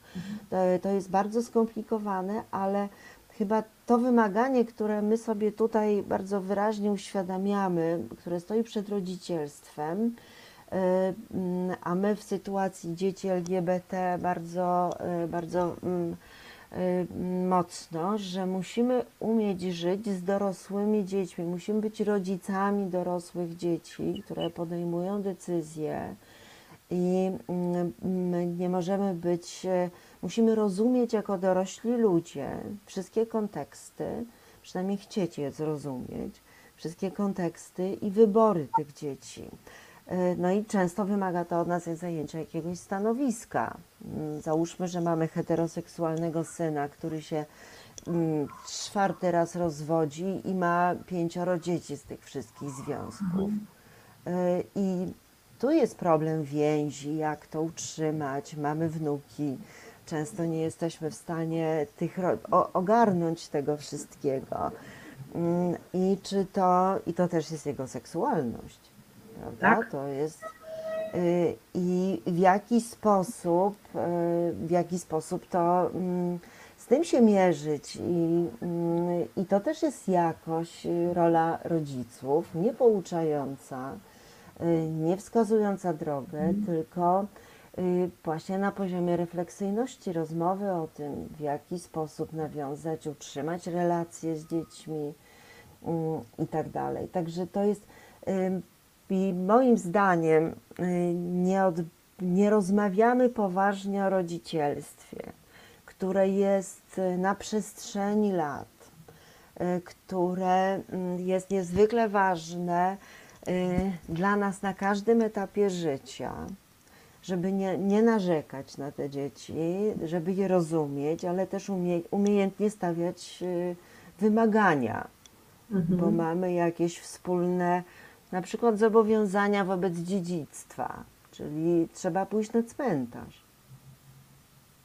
I y, Także rodzicielstwo w tym najszerszym kontekście mm, jest tutaj ważne. Jak wyjdziemy od tego punktu, że bycie rodzicem jest sferą odpowiedzialności, refleksji, zrozumienia, y, to wtedy będziemy się na te poszczególne elementy, no bo różne rzeczy nam się w życiu zdarzają, y, będziemy bardziej gotowi. Że rodzicielstwo to nie jest ładna reklama, tylko no, zbiór procesów, spraw, kryzysów. I bardzo wyraźnie to widać, na, jak nasze dzieci są małe, kiedy te kryzysy, te no, noce, kiedy nie śpimy, kiedy zmieniamy siódmy raz pościel, y, tak. I, a i tak musimy iść rano do pracy, prawda? I te bunty dwulatka, trzylatka, czterolatka, pięciolatka i tak dopóki się z domu nie wyprowadzi, prawda, co roku, tak. Ja bym chciała uzupełnić Doroty wypowiedź tylko jednym takim podsumowaniem. Mój mąż zawsze o tym mówi, że Naszą rolą jako rodziców jest tak naprawdę dać dzieciom skrzydła, a później otworzyć okno i powiedzieć leć. Po prostu, tak? I e, często jest tak, że w momencie, w którym e, tak naprawdę ten coming out naszego dziecka to jest zderzenie z naszymi oczekiwaniami, co my od tego dziecka chcemy, tak? E, kiedy urodziłam moje pierwsze dziecko, miałam wyobrażenie na, na temat tego, jaką ja będę mamą, jak to będzie cudownie, jak to będzie fantastycznie jakie to dziecko będzie piękne, grzeczne, cudowne. Y, mój syn oczywiście bardzo szybko to zweryfikował, darł się, bo mógł y, dzień i noc po prostu i nagle się okazało, że to rodzicielstwo wcale nie wygląda tak jak w tych reklamach. I, I co ja mam zrobić? Przecież no nie pójdę i nie zwrócę tego dziecka tam, gdzie ono się urodziło i nie powiem, ale to ja nie takie zamówienie złożyłam, tak? To tu trzeba coś oprogramowaniu zaktualizować u tego dziecka, bo, bo ja jednak chcę mieć takie, jak ja sobie wyobrażałam, że to dziecko będzie. I tak naprawdę my się dokładnie z tym zderzamy na każdym etapie. I tu nie chodzi teraz o to, czy nasze dziecko jest homoseksualne, heteroseksualne, tak? Nie wiem, rodzic, chirurg naczyniowy myśli o tym, że jego dziecko będzie chirurgiem naczyniowym, a dziecko mówi absolutnie, ja będę grał w przejściu podziemnym na gitarze bo mam duszę artystyczną i ja nie potrzebuję żadnych materialnych rzeczy, będę się żywił powietrzem i y, karmił tęczą, tak? I, i, I tak naprawdę na każdym etapie jako rodzice my się z tym zderzamy i to samo jest tak naprawdę z tęczowością naszych dzieci y, to jest nasz problem jako rodziców, że po prostu my w tym momencie zderzyliśmy się z naszym oczekiwaniem, naszym wyobrażeniem w stosunku do naszego dziecka, ale oczywiście y, nie pomaga nam to, co się dookoła dzieje, bo teraz jeżeli ja, y, nie wiem, prawnik, y, zderzam się z tym, że moje dziecko nie chce być prawnikiem, tylko malarzem pokojowym, no to tak naprawdę ja się z tymi wyobrażeniami zderzam, ale jeżeli dookoła ktoś nagle mi mówi, jakie ja powinnam mieć wyobrażenie na temat mojego dziecka, jak ja powinnam się w stosunku do mojego dziecka zachowywać, jak ja powinnam moje dziecko leczyć czymś, nie wiem, lobotomią, prądem, czymkolwiek, żeby wpasowało się w ten model, który jest stworzony przez kogoś innego, w czyjejś głowie i to nie jest mój model, no to już wtedy nie jest dobrze, tak? To wtedy jest już dużo, dużo trudniej, bo oprócz tego, że walczę ze swoim wyobrażeniem i muszę swoje nie chcę powiedzieć zawiedzione nadzieje, ale jakieś swoje wyobrażenia po prostu urealnić, to ja jeszcze muszę walczyć ze światem zewnętrznym i mówić temu światu zewnętrznemu, kurka, co ci do tego? Zajmij się sobą, masz milion problemów do rozwiązania. Jest pani wyciszona, pani Dominiko. Jest. Tu jest taki piękny komentarz na czacie od pani Ani Matysiak. Kochajmy nasze dzieci, a nie swoje o nich wyobrażenie. Takie to proste. To jest to, co tutaj faktycznie wybrzmiało w obu pani wypowiedziach. No ale tak jak też pani, pani Kingo powiedziała w tym ostatnim zdaniu, że no niestety w tym przypadku, kiedy jest jakaś presja z zewnątrz na konkretnie jeden aspekt życia naszych dzieci, no to tutaj nie wystarczy tylko jakąś pracę wewnętrzną wykonać z tymi swoimi wyobrażeniami i je urealnić, tak jak to pani tutaj naprawdę idealnie w punkt ujęła, no ale niestety trzeba się jeszcze zmierzyć z tą sytuacją z zewnątrz. No i y, do tego przeszłybyśmy, co jest właśnie zewnątrz i z czym musimy się borykać y, po przerwie. Także proszę Państwa, pięć minutek y, dla higieny i za chwileczkę wracamy. Pani Dorota, Pani Kinga będą z nami po przerwie i porozmawiamy o tym, jak środowisko zewnętrzne traktuje rodziny osób LGBT i co my możemy zrobić, chociażby w kontekście tych ostatnich wypowiedzi, absolutnie po prostu nie dających mi żyć, parszywych, paskudnych, tutaj najmocniejsze słowa naprawdę pasują, e, wszelkie, które można by było wulgarne tutaj użyć, które niestety wpisują się w taką narrację szerszą, e, bo przecież to nie tylko Jarosław Kaczyński z takich naprawdę obrzydliwych wypowiedzi słynie, jest tych figur w świecie tym naszym polityczno-społecznym. Cała masa, które już mają takie rzeczy na koncie, że naprawdę powinny być aut, automatycznie wyautowane z tego życia społeczno, społecznego, publicznego, a jednak nie są i jeszcze dalej dalej niestety robią pranie mózgu kolejnym osobom, które gdzieś temu ulegają po prostu, bo ten przykład idzie z góry, no co tu dużo mówić. Ale o tym wszystkim już po przerwie dajmy chwileczkę odpoczynku i gościniom, i też Państwu. Wróćmy za chwileczkę wszyscy razem i bardzo proszę o pytania tutaj, bo piękne, mądre pań, Państwo piszą um, komentarze dzisiaj, natomiast nie widzę pytań, a być może Państwo macie jeszcze jakieś pytania. Zapraszam serdecznie do tego, żeby w czasie przerwy tutaj napisać na czacie i za chwileczkę widzimy się z powrotem nieco jaśniej. Aż dziw bierze, że nie mamy nadmiernych kilogramów kory mózgowej od informacji. Bombardują nas sprzeczności. Wszyscy gubimy się w pojęciach, których czasem nie rozumieją specjaliści. Trzeba zwolnić i rzucić więcej światła, aby dotrzeć do istoty interesujących nas problemów. Co piątek o 19 w Resecie Obywatelskim czeka na Was Kornel Wawrzyniak. Witam ponownie w przerwie. Programie To jest wojna, a ze mną Dorota Stobiecka, prezeska Stowarzyszenia My Rodzice i Kinga Tarkiewicz, y, y, członkini tego stowarzyszenia. I y, w pierwszej części programu rozmawiałyśmy o tym, jak to się dzieje, że mm, przychodzą do Państwa rodzice, jak ten proces wygląda, z czym się mierzycie, z jakimi emocjami przychodzą te osoby, które są gdzieś świeżo po coming swoich dzieci. No i w zasadzie doszłyśmy tutaj wspólnie do takiego wniosku, że najważniejszą cechą rodzica i najważniejszą taką kompetencją, którą musi nabyć, żeby się tutaj z tym coming outem zmierzyć, to jest to, z czym musi się w zasadzie każdy rodzic zmierzyć, czyli z taką gotowością do przyjęcia tego, że to dziecko nie jest takie, jakbyśmy sobie wymarzyli może do końca, że nasze oczekiwania nijak się nie mają do tego, jak to dziecko faktycznie funkcjonuje, jakie jest i jakich wyborów dokonuje. I to jest dla mnie z jednej strony pocieszające, bo to pokazuje, że y, ta seksualność y, i w ogóle jakby kwestie te orientacji dziecka to jest rzecz jak wszystkie inne, tak?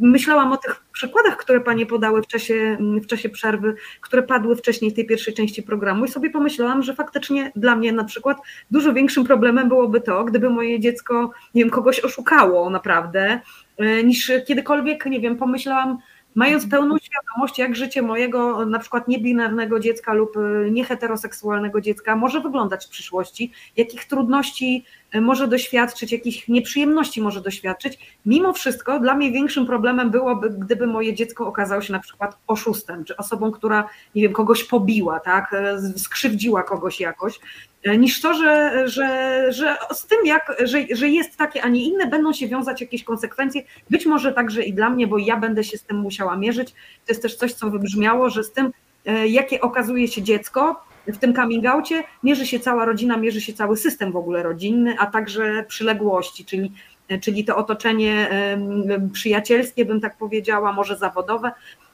No i, i, i teraz myślę też o tej swojej właśnie gotowości. Bardzo mi to dało do myślenia i e, taki mam wniosek, że to dużo też zależy od tego, jaką my, ma, my mamy wewnętrznie jako rodzice, jako dorosłe osoby zgodę na bycie w ogóle sobą i bycie e, sobą z tymi ocenami, jakie to gdzieś wywoła. I tak sobie myślę w tym, w, akurat w moim przypadku, no bo mogę tylko o sobie tutaj jakby powiedzieć i porównywać, nie czuję się jakby upoważniona do tego, żeby chociażby jakieś historie tutaj przywoływać osób zaprzyjaźnionych, no ale myślę na przykład, że w moim przypadku y, było o tyle mi łatwiej, że raz, jestem już z tego pokolenia, które gdzieś miało dostęp do internetu, do tych wszystkich wiadomości, więc faktycznie mm, jest, jest łatwiej mm, zasięgnąć informacji i się po prostu douczyć i, i złapać tego języka i y, sobie wy, wszystkie rzeczy ułożyć w głowie. Ale z drugiej strony dla mnie osobiście myślę, że takim ważnym aspektem było to, że ja wcześniej byłam już osobą aktywistyczną, związaną z jakąś konkretną e, organizacją, strajkiem kobiet, który wiadomo, no, wywołuje jakieś silne reakcje w społeczeństwie i to, co my robimy, sposób w jaki działamy, też wywołuje silne reakcje. I ja musiałam się sama z tym zmierzyć, że to, co ja robię jako osoba, e, no, wywołuje, wywołuje jakieś kontrowersje, wywołuje jakieś reakcje, że spijam hejt e, w takim samym stopniu, może większym niż jakieś pochwały za to, co robię. I jak ja sobie to ustaliłam, że dobra, to jest koszt, który ja ponoszę za bycie sobą i za bycie w zgodzie ze sobą i życie jakby z wartościami, które są dla mnie ważne, to potem dużo łatwiej było mi już e, nie myśleć o tym, że się spotkam z jakimiś ocenami w momencie, kiedy moje dziecko powie, że a ono jest takie i ono będzie żyło w taki czy inny sposób.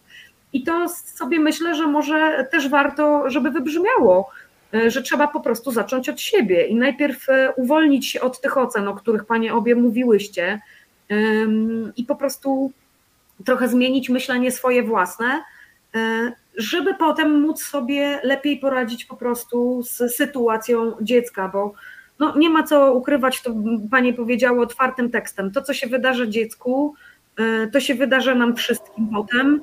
Nie ma tak, żeby dziecko dokonało coming outu, a to w żaden sposób nie wpłynęło na życie rodziny, bo to są naczynia połączone i to po prostu jest system cały zależności. No i teraz moje pytanie takie, co my możemy zrobić, jak się najlepiej przygotować do takiej sytuacji wyjścia na ten świat zewnętrzny, nawet jeżeli jesteśmy bardzo poukładani w sobie i mamy już poukładaną relację z dzieckiem, jesteśmy wzmocnieni chociażby przez udział w akademii, czy poprzez udział w jakiejś grupie, e, gdzie już dostajemy po prostu to wszystko, co jest potrzebne, czyli i tą merytorykę, i takie wsparcie emocjonalne. Co możemy zrobić jeszcze teraz wychodząc na zewnątrz, jak się przygotować na tą batalię, no bo nagonka jest paskudna. I no jednak też musimy trochę walczyć po prostu z tym światem na zewnątrz, w obronie własnego dziecka. Państwo tutaj teraz napisali ten list. E, ten list jest mocny. E, bardzo, bardzo naprawdę Państwu polecam, żeby sobie ściągnąć ten list. Linki za chwileczkę będą, linki za chwilę będą na naszym czacie i do strony Państwa, my rodzice, i do social mediów i też konkretnie link y, do, y, do ściągnięcia sobie tego listu otwartego. On jest piękny, naprawdę gratulacje. Ja y, czytając go po raz pierwszy, nie przygotowując się do programu, tylko czytając go jako mama po prostu, śledząca was, wasz profil, no popłakałam się, nie, nie ukrywam, że się popłakałam, było to dla mnie mega ważne, sobie pomyślałam, ja bym tego lepiej nie napisała, lepiej bym tego nie powiedziała, świetnie, że to poszło w eter, no to jest jedna z metod, pisanie takich, takich listów. Co więcej my możemy jakby zrobić jeszcze, żeby po prostu jakoś przeciwstawić tej nagonce? Tak naprawdę nie ma, y, nie ma jednej generalnej metody, tak? Y, to, o czym my cały czas z Dorotą mówimy, co jest misją stowarzyszenia, edukacja, i rozmowa, ale rozmowa na poziomie merytorycznym. E, najgorsze, co możemy zrobić, dlatego że tak naprawdę Jarosławowi Kaczyńskiemu nie chodzi właśnie o nasze dzieci, o moje dziecko, o Doroty dziecko, o pani dzieci. Nie. Tak naprawdę chodzi o to, żeby mieć jakiegoś wroga. Tak? Zamieszał w kapeluszu, wyjął kulkę, okay, mam literkę T, z całego parasola LGBT. Tak? Przy poprzednich wyborach to było generalnie środowisko LGBT. Y, miał lekarzy, miał nauczycieli, y, miał różnego rodzaju grupy społeczne. Zawsze musi być wróg. I teraz to, co my możemy zrobić, nie dać zrobić z siebie tego wroga. Nie dać się ściągnąć w dyskurs, który jest właśnie na takim poziomie, jaki jest z tamtej strony oczekiwany. Tak? Nam nie zależało na tym, żeby w tym liście po prostu porzucać zgniłymi jajkami i, i, pomidorami, tylko chodziło nam o to, żeby pokazać naszą perspektywę, jak my się czujemy, jak wygląda tak naprawdę proces tranzycji naszych dzieci, z czego on się bierze. Tam jest też takie jedno zdanie wpisane, także my jako stowarzyszenie pojawimy się bardzo chętnie w dowolnym miejscu w Polsce. Nas jest tak dużo y, w tej chwili y, jako y, członków stowarzyszenia, ale i jako osób sympatyzujących, które mają wiedzę, które jeżeli po poprosimy, to co Dorota mówiła, szukamy najbliższego rodzica w danym rejonie, my jesteśmy w stanie powiedzieć, opowiedzieć, porozmawiać merytorycznie, ale za żadne skarby świata nie chcemy dać się ściągnąć właśnie do takiego poziomu dyskusji e, bardzo politycznej i bardzo emocjonalnej, chociaż nie powiem, jest to potwornie trudne. Słowa, które ze mnie wypływały do telewizora w tę pamiętną sobotę, one się nawet i o tej godzinie nie nadają do powtórzenia, y, bo ja w pierwszym momencie myślałam, że ja y, słyszę coś zmontowane, że, że to nie jest prawdziwa wypowiedź, że to, to po prostu to się nie dzieje, to się po prostu nie dzieje. Y, zajęło mi kilka dni, żeby wrócić do, do takiej równowagi, żeby powiedzieć sobie, nie pozwolę, nie pozwolę na to, żeby człowiek mówiący takie słowa wpłynął na mój stan emocjonalny w taki sposób, żebym ja nie mogła normalnie funkcjonować, ale też wiedzieliśmy wszyscy, E, że my musimy coś zrobić, że my musimy zrealizować swój obowiązek e, rodzicielski obrony naszego dziecka. Od tego zaczęłyśmy rozmowę, tak, że jeśli osiłek popycha nam dziecko, to matka, ojciec reagują, tak, to opiekun prawny tego dziecka po prostu ma obowiązek reagować i my to w tej chwili robimy. A święcie, ja osobiście wierzę w to i, i myślę, że Dorota tutaj też to podkreślała, że tak naprawdę edukacją i rozmową i to, co też Dorota mówiła wcześniej, e, młode pokolenie się na to nie nabierze. Ja obserwuję pokolenie mojego syna, pierworodnego dziecka, 23-letniego młodego człowieka, który na coming out, na coming out siostry zareagował no, okej, okay, no. jak byłaś w ciąży, mówiłem ci, że będę miał siostrę. To mam. I i tyle, tak? Na młodych ludzi to nie działa i w tym jest nasza po prostu nadzieja. Dla młodych ludzi ta różnorodność jest taką normą, y, że tak naprawdę oni za chwilę się obrócą, oni też są wyborcami, oni za chwilę obrócą i powiedzą, że no to są po prostu farmazony opowiadane przez smutnego starca, po prostu, który żyje w poprzedniej epoce. Farmazony ja dziaderstwa. Uzupełniając wchodzimy tutaj w taki właśnie, właśnie język, w którym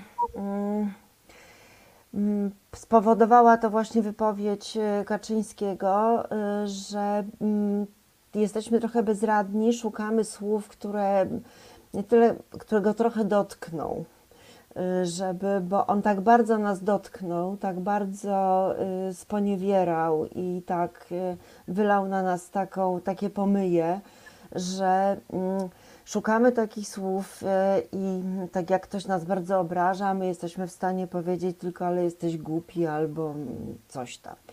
To już jest, nie ma to tej samej siły.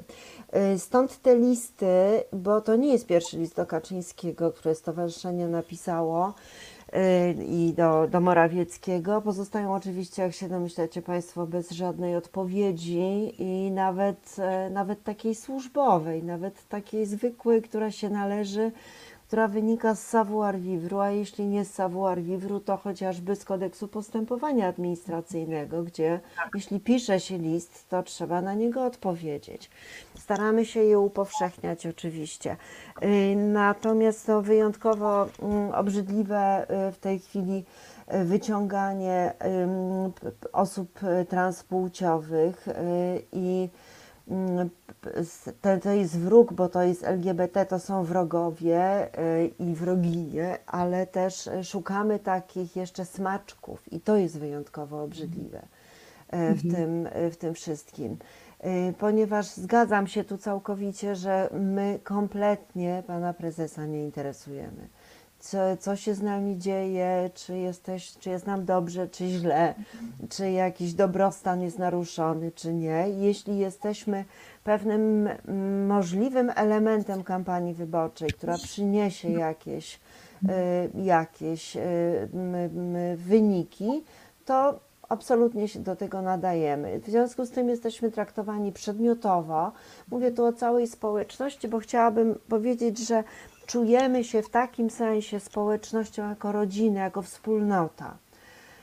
Y, Bo to wykluczenie, podkreślamy to tutaj, do, dotyczy wszystkich w rodzinach. To nie jest tylko y, to nie jest tylko jedno osoba LGBT. Y, I tym bardziej jest to obrzydliwe i nie zgadzam się na to, żeby mi ktoś mówił, że polityka taka właśnie jest, bo polityka może być inna. Y, Mogą być, bo to, że władza deprawuje, a władza absolutna deprawuje absolutnie, to ja to rozumiem i wiem. Natomiast to wcale nie trzeba przenosić tego, bo to mówił Machiavelli, a nie, y, nie mówimy tego w dzisiejszych czasach. Y, Możemy to cywilizować, podobnie jak cywilizujemy parę innych rzeczy w naszym życiu. Y, I y, właśnie od tego trzeba odejść, nie zgadzać się na to, bo ci, którzy współpracują y, z em, obozem rządzącym, po prostu się zgadzają. Z pewnością mają jakieś profity. No, mają, są zadowoleni, będą mieli więcej. Na to nic nie poradzimy, bo na chciwość i chęć władzy y, nie poradzimy. Y, Natomiast m, to jest, ym, to, to jest właśnie najbardziej demoralizujące w tym, że jakaś część osób nie, za, nie zastanawia się nawet, że wyrządza popar- poparciem, poparcie rozumiem nawet jako niemówienie, nie przeciwstawianie się. Ja już nie mówię o towarzyszeniu temu rechotowi w tym wszystkim. Tak. I to jest, bo to, to demoralizuje. Y, Na takim poziomie, że jesteś, przestajemy być wrażliwi na coś, y, ewentualnie zamiast poznać, zobaczmy ile osób w Polsce zaczyna się dopiero stykać z pojęciem transpłciowości. Y, I na samym początku dostaje informacje, no takie jak dostaje. No, Szkoda nawet to powtarzać. Natomiast gdyby można było poprowadzić edukacyjny program, w którym y, powiedziano by o szerokim spektrum, y, o tym, jak y, czujemy, jak to jest trudne, jak to jest uciążliwe, jak bardzo jesteśmy nieszczęśliwi i co zrobić, żeby być szczęśliwym. I nawet przekierować swoje myślenie na to, że szczęścia nie dają nam kolejne przedmioty, które są wokół nas i kolejne mm, transfery mm, czegokolwiek, co do nas y, do, dochodzi, tylko nasze szczęście to jest coś, co jest osobistego i bardzo, bardzo własnego, bardzo w nas. E, I nie zadowolą nas e, obietnice i tak dalej, i tak dalej. Także mm, z tego względu wydaje mi się, że to, co dociera do społeczeństwa, trzeba kontrować y, listem, y, zachętą do tego, żeby mm, coś więcej wiedzieć. Y, mm, Uwrażliwiać na język za każdym razem. Przecież to jest, jesteśmy właśnie w kontrze do tego. List jest napisany bardzo, bardzo językiem koncyliacyjnym jednak. W takim sensie ja mam, y, ja wiem, ja rozumiem, ale moje, jestem urażona na tym poziomie.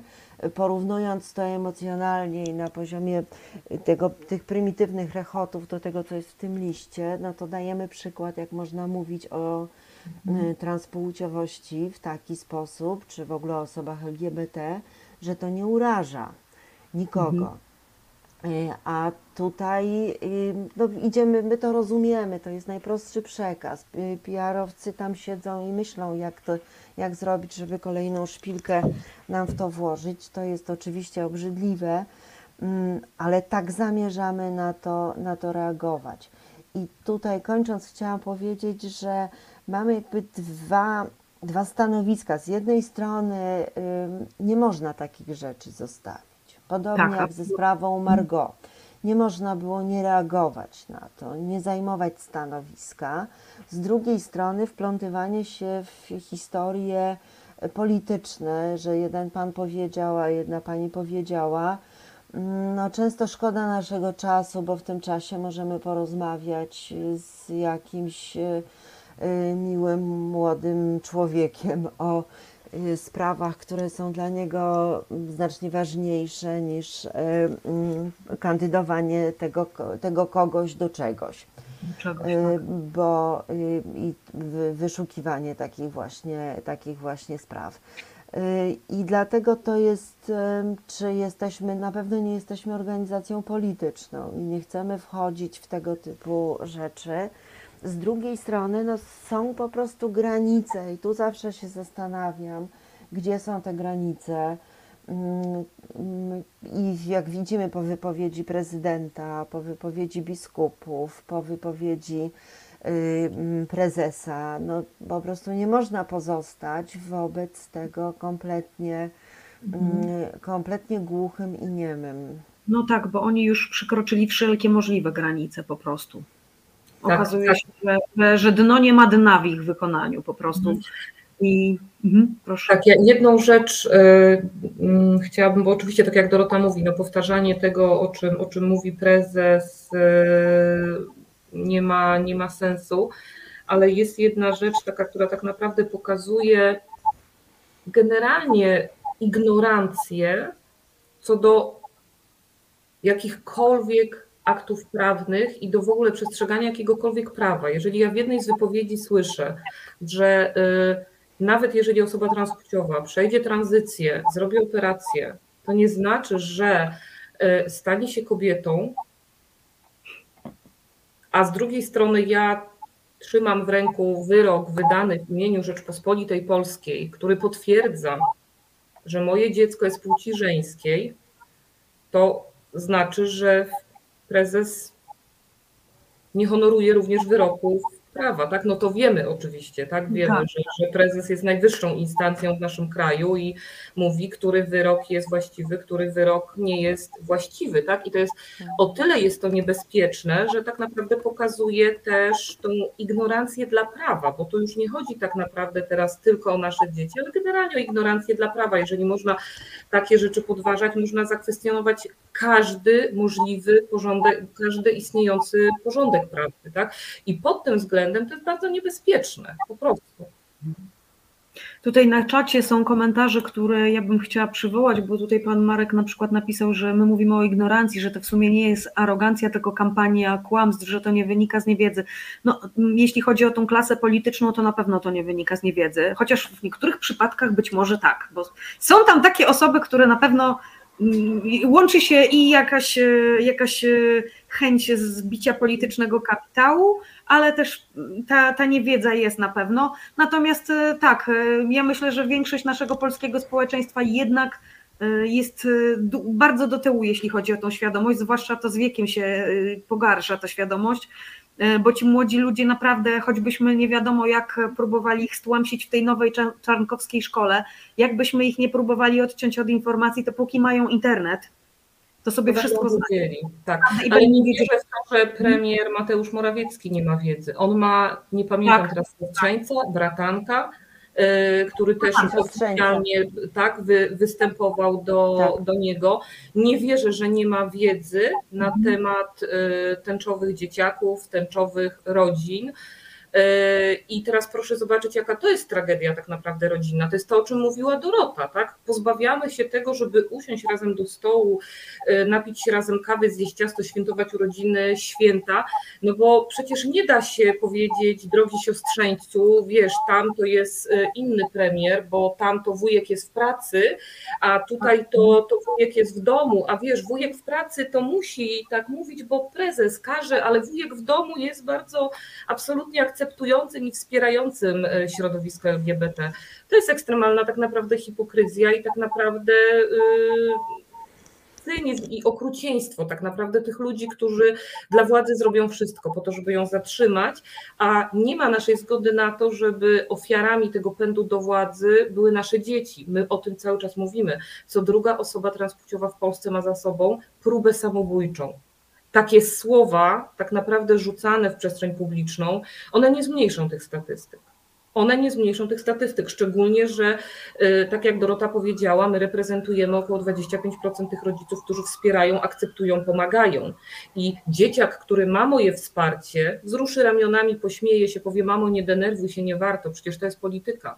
Ale dzieciak, taki jak y, dzieciaki, które są y, bohaterami teraz ostatniego reportażu Piotra Jaconia, Wszystko o moim życiu, takie dzieciaki po takich słowach kto wie, co one zrobią, tak? Jeżeli jeszcze dostaną właśnie z tej, z tej strony e, takie słowa, a te słowa są o tyle niebezpieczne, że one też dają przyzwolenie na to, mówiłam o tym na początku, e, że wszyscy e, inni mogą również, no bo jeżeli może prezes mówić w ten sposób o moim dziecku, to równie dobrze może to zrobić mój sąsiad, równie dobrze może to zrobić pani w sklepie, równie dobrze może to zrobić gość na ławce w parku.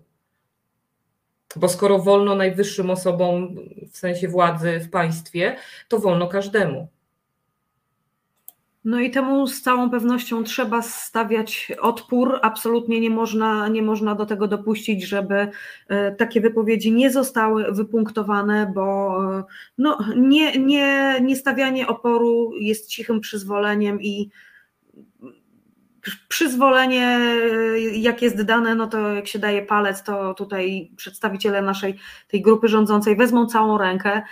Wiemy już z doświadczenia niestety przykrego ostatnich kilku lat, że e, samobójstwa e, osób LGBT-owych nie robią na nich wrażenia żadnego.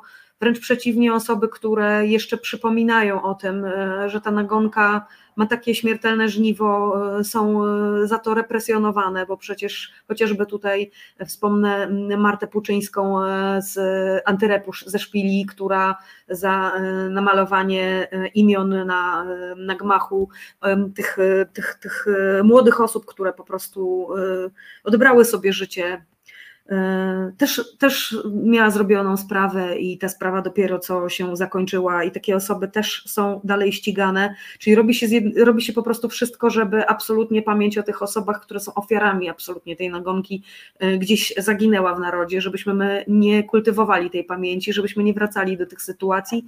E, no i nasilone po prostu te, te działania nie wiem jak to nawet nazwać, działania, które mają zohydzić po prostu tęczową społeczność w oczach takiego przeciętnego Polka, Polaka, Polki, którzy nie bardzo wiedzą, czym to się je w ogóle, ten gender i te wszystkie inne rzeczy. W tym starszym, w tej starszej części społeczeństwa, no nie ma co ukrywać, że z tą świadomością jeszcze jest bardzo średnio. E, tej młodszej na szczęście, e, dopóki ma internet, e, to nikt, nikt nie powstrzyma przed, przed douczaniem się i zdobywaniem wiedzy. Mnie tutaj jeszcze wpadł w oko wcześniej dużo jakiś taki komentarz na czacie, przepraszam, nie pamiętam kto go napisał, a nie mam teraz możliwości już przeskrolować tego, no ale mowa była o tym, że wczoraj Radek Gruca, nasz wicenaczelny, mówił w programie o tym, że mm, osoby 60 5 plus ich jest dwa razy tyle, co młodych dorosłych. No i to może wyglądać nieco pesymistycznie, no bo skoro ta grupa jest mm, jakby podwójna liczebnie w stosunku do tych, do tych młodych dorosłych, no to wiadomo, że jeszcze orka na ugorze i wiele lat pracy u podstaw e, przed nami, żeby, żeby ci młodzi byli na tyle już okrzepnięci, żeby po prostu pewne postawy e, postawy krzewić swoim własnym pod, przykładem i swoimi własnymi wyborami, no nie ale powiem, też że pamiętać, że tak, ale proszę tak. też pamiętać, że w tej grupie 65 plus są dziadkowie mojej córki.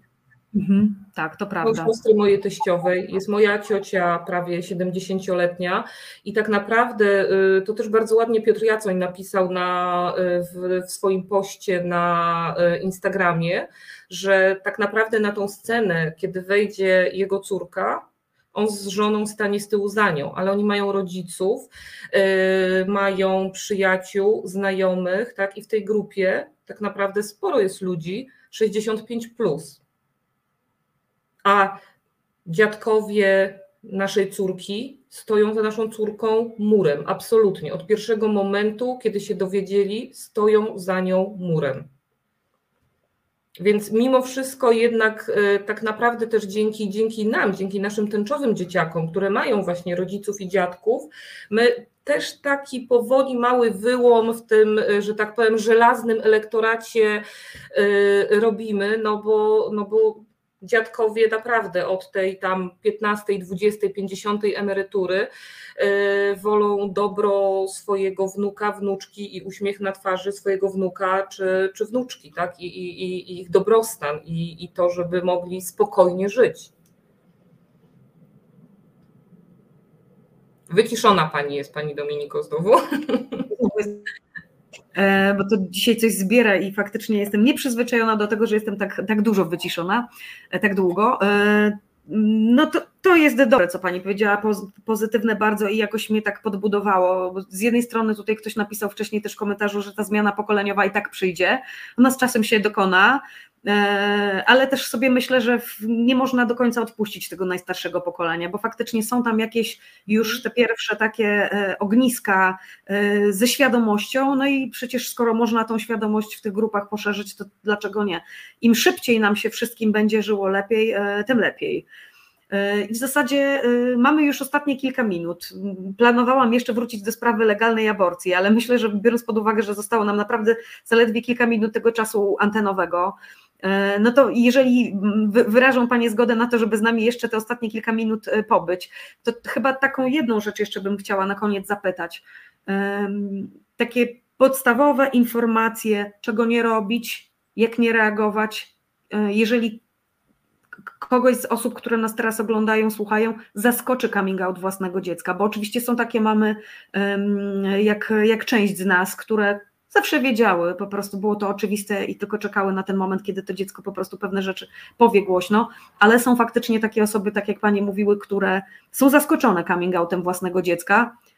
Każdą z mam, która nas w tej chwili e, ogląda i każdego e, tatę, który nas w tej chwili ogląda, może taka sytuacja jutro, pojutrze, e, za miesiąc spotkać jakby panie chciały nas zostawić z jakimś przesłaniem, jak nie reagować absolutnie, żeby po prostu nie zablokować jakiegoś tam e, przepływu informacji, żeby nie zablokować po prostu tej relacji, e, żeby sobie nie strzelić w stopę, a co jest tą dobrą praktyką, co wy polecacie, jak, e, jak jakby co powiedzieć, bo w Polsce jest bardzo, bardzo wielki problem z takim wspieraniem osób. Nasze wspieranie bardzo często niestety kulturowo wygląda tak, że my pouczamy, E, dajemy jakieś rady, albo najpierw wyładowujemy swoje emocje, a dopiero potem gdzieś zajmujemy się tą osobą, której tak naprawdę sytuacja dotyczy. E, no nie umiemy pomagać e, często i pogarszamy sprawę, a nie poprawiamy. No tu myślę, że jest na tyle świadoma nasza publiczność, że chciałyby wszystkie osoby, które nas teraz słuchają lub oglądają, wiedzieć, co powiedzieć w takiej sytuacji. I co też powiedzieć, nie wiem, koleżance, która mówi, moje dziecko się wyautowało właśnie i ja tak nie do końca wiem, jak się w tym zachować. E, jeśli się oczywiście da w ciągu pięciu minut na antenie takie, e, takie rady sformułować, to bardzo bym na odchodne o taki zestaw e, prosiła. Jeśli mogę zacząć, nie możemy dawać żadnych rad. I co więcej, powiem, że wszystkie coming outy, które, o których słyszałam, a tych historii znam już bardzo, bardzo wiele, wyglądają zupełnie inaczej. I chyba to, co jest radą, nie chcę używać słowa rada, to, co jest przyjmijmy taką reakcję, z jaką, mm, która będzie autentyczna. Więc jeśli nas to zaskoczy, rozpłaczemy się, wypadną nam talerze z ręki, to to jest autentyczne. Y, I taka reakcja myślę, że będzie dla dziecka, będzie wiedziało, że zrobiło wrażenie w takim sensie, że ten rodzic rzeczywiście się tym Y, to do niego dotarło, wpłynęło na niego, on się tym przejął. Y, I nie obwiniajmy się, kiedy nasze pierwsze reakcje będą jakieś kompletnie z kosmosu.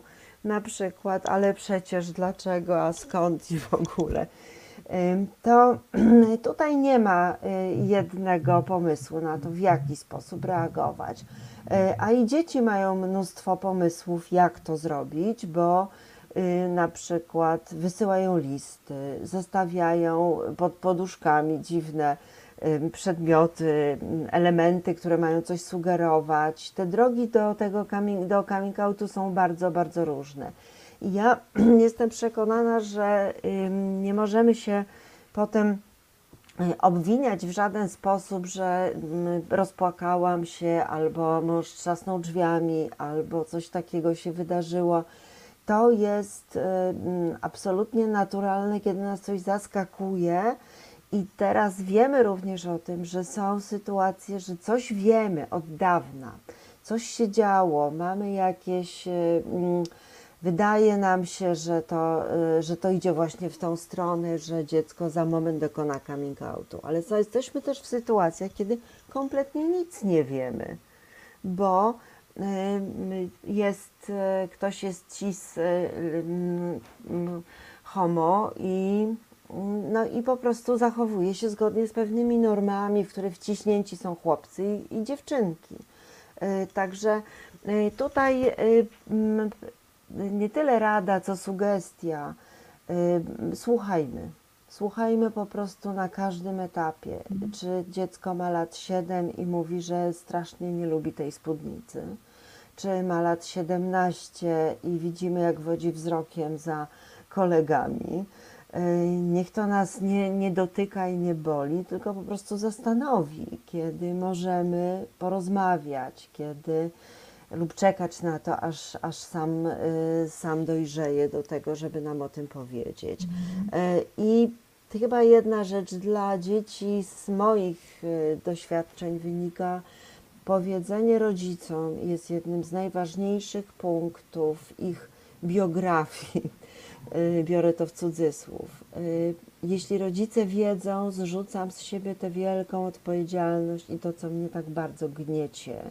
Bo jeszcze, jak wiedzą rodzice, to potem jest, jeszcze jest przede mną calutki świat.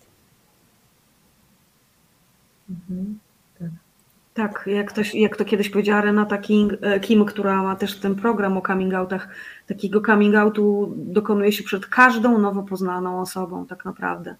Więc ten, ten, ale ten pierwszy przed rodzicami jest najważniejszy, absolutnie najważniejszy. Chyba, że nie ma rodziców i to jest jakaś inna osoba najbliższa, wiadomo, ale taka, która pełni rolę tego, tego, e, tego rodzica w życiu. Mhm. Ja bym jeszcze dodała tak e, jedną rzecz tak naprawdę dla rodziców.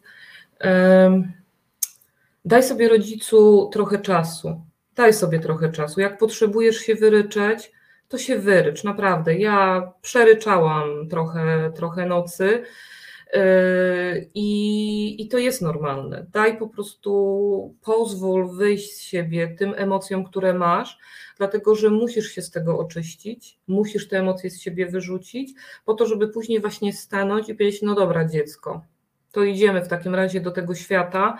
Ja tu jestem, jednym łokciem oprzyj się o mnie, drugim łokciem oprzyj się o drugą osobę wspierającą, no w naszym przypadku o, o, o mojego męża, o, o, ojca Patrycji y, i idziemy razem, y, ale też nie bój się rodzicu szukać informacji.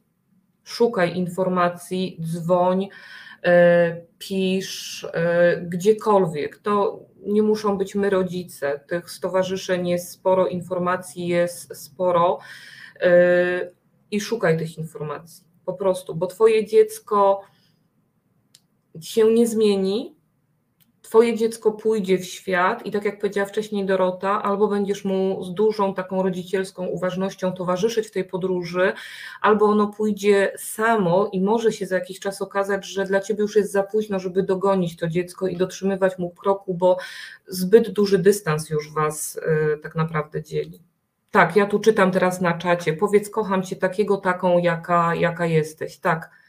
Ale do tego też my, rodzice, dochodzimy y, i to też trzeba powiedzieć. Jesteśmy ludźmi, mamy swoje emocje i dla nas to też jest proces, żeby dojść do tego momentu, żeby rzeczywiście powiedzieć: Kocham cię, córeczko, kocham cię, synku, takim, taką, jaka jesteś i taka jesteś najlepsza, taki jesteś najlepszy. Znowu jestem wymutowana. Tak, ja nie ukrywam, że mnie ta rozmowa dzisiaj bardzo wzmocniła. Mam nadzieję, że e, jeszcze kilka osób, które tutaj nas dzisiaj oglądają, słuchają, też ma trochę mokre oczy i też, e, też miało gula momentami tutaj w gardle, jakąś kluchę i, i że coś z tego Państwo dla siebie wezmą. E, chociażby to, że będziemy wiedzieli lepiej, jak rozmawiać, na co zwracać uwagę. Przemądra była to rozmowa i cieszę się niesamowicie, że miałam okazję Panie tutaj zaprosić do nas i, e, i większej grupie rodziców, którzy nas dzisiaj oglądają i dzieci dorosłych e, często pokazać to, co robicie i jak mądrych mamy rodziców, proszę Państwa, w tym kraju. Więc te trzy czwarte, które jeszcze nie wiedzą, co zrobić, jak wspierać, naprawdę szukajcie kontaktu z takimi rodzicami, jak te dwie mamy, które dzisiaj tutaj z nami są. Ja chciałam w imieniu wszystkich osób, które nas słuchają i oglądają, podziękować paniom i całemu stowarzyszeniu za to, co robicie i za to, że jesteście, bo to jest niesamowita sprawa i pewnie to słyszycie od każdej kolejnej osoby, która do was dołącza, no ale niech to wybrzmi naprawdę. Robicie wielką robotę i. Yy, Oby do Was jak najwięcej e, rodziców trafiało, jak najwięcej osób pod Wasze skrzydła. E, do Akademii zapraszam bardzo serdecznie. Proszę Państwa, mamy na czatach, wszystkich, e, na wszystkich socjalach, gdzie jesteśmy, zarówno na YouTubie, jak i na Facebooku, mamy już wszystkie namiary na stowarzyszenie. Jest link do strony internetowej, jest link do profilu e, na Facebooku, e, jest link do tego listu otwartego. Są namiary na grupy lokalne. Sześć grup w sześciu, w sześciu dużych miastach w tej chwili już jest, gdzie można się spotykać w realu. E, szukajcie kontaktu, szukajcie informacji, strona My Rodzice, tam jest naprawdę kopalnia informacji, gdzie wejść, gdzie doczytać, e, jak rozmawiać z dzieckiem, w zasadzie wszelkie możliwe informacje, których możecie potrzebować na starcie, tam są. E, zachęcam bardzo do tego, żeby, żeby z tego skorzystać, z tej mądrości, bo po co wyważać drzwi, które już są otwarte i są osoby, które mówią, chodźcie, my was przez te drzwi przeprowadzimy. E, bardzo, bardzo dziękuję serdecznie Paniom. E, przepraszam, że tu przedłużyliśmy e, odrobinę ten czas, który był umówiony, ale myślę, że słuchacze, słuchaczki, widzowie Wicki są wdzięczne za to, że Panie z nami zostały nieco dłużej. Dzięki serdeczne. To my dziękujemy bardzo i zapraszamy wszystkich do kontaktu. Tak Było jest. nam również bardzo miło. Bardzo dziękujemy. Dzięki. Dobrej Reset Obywatelski.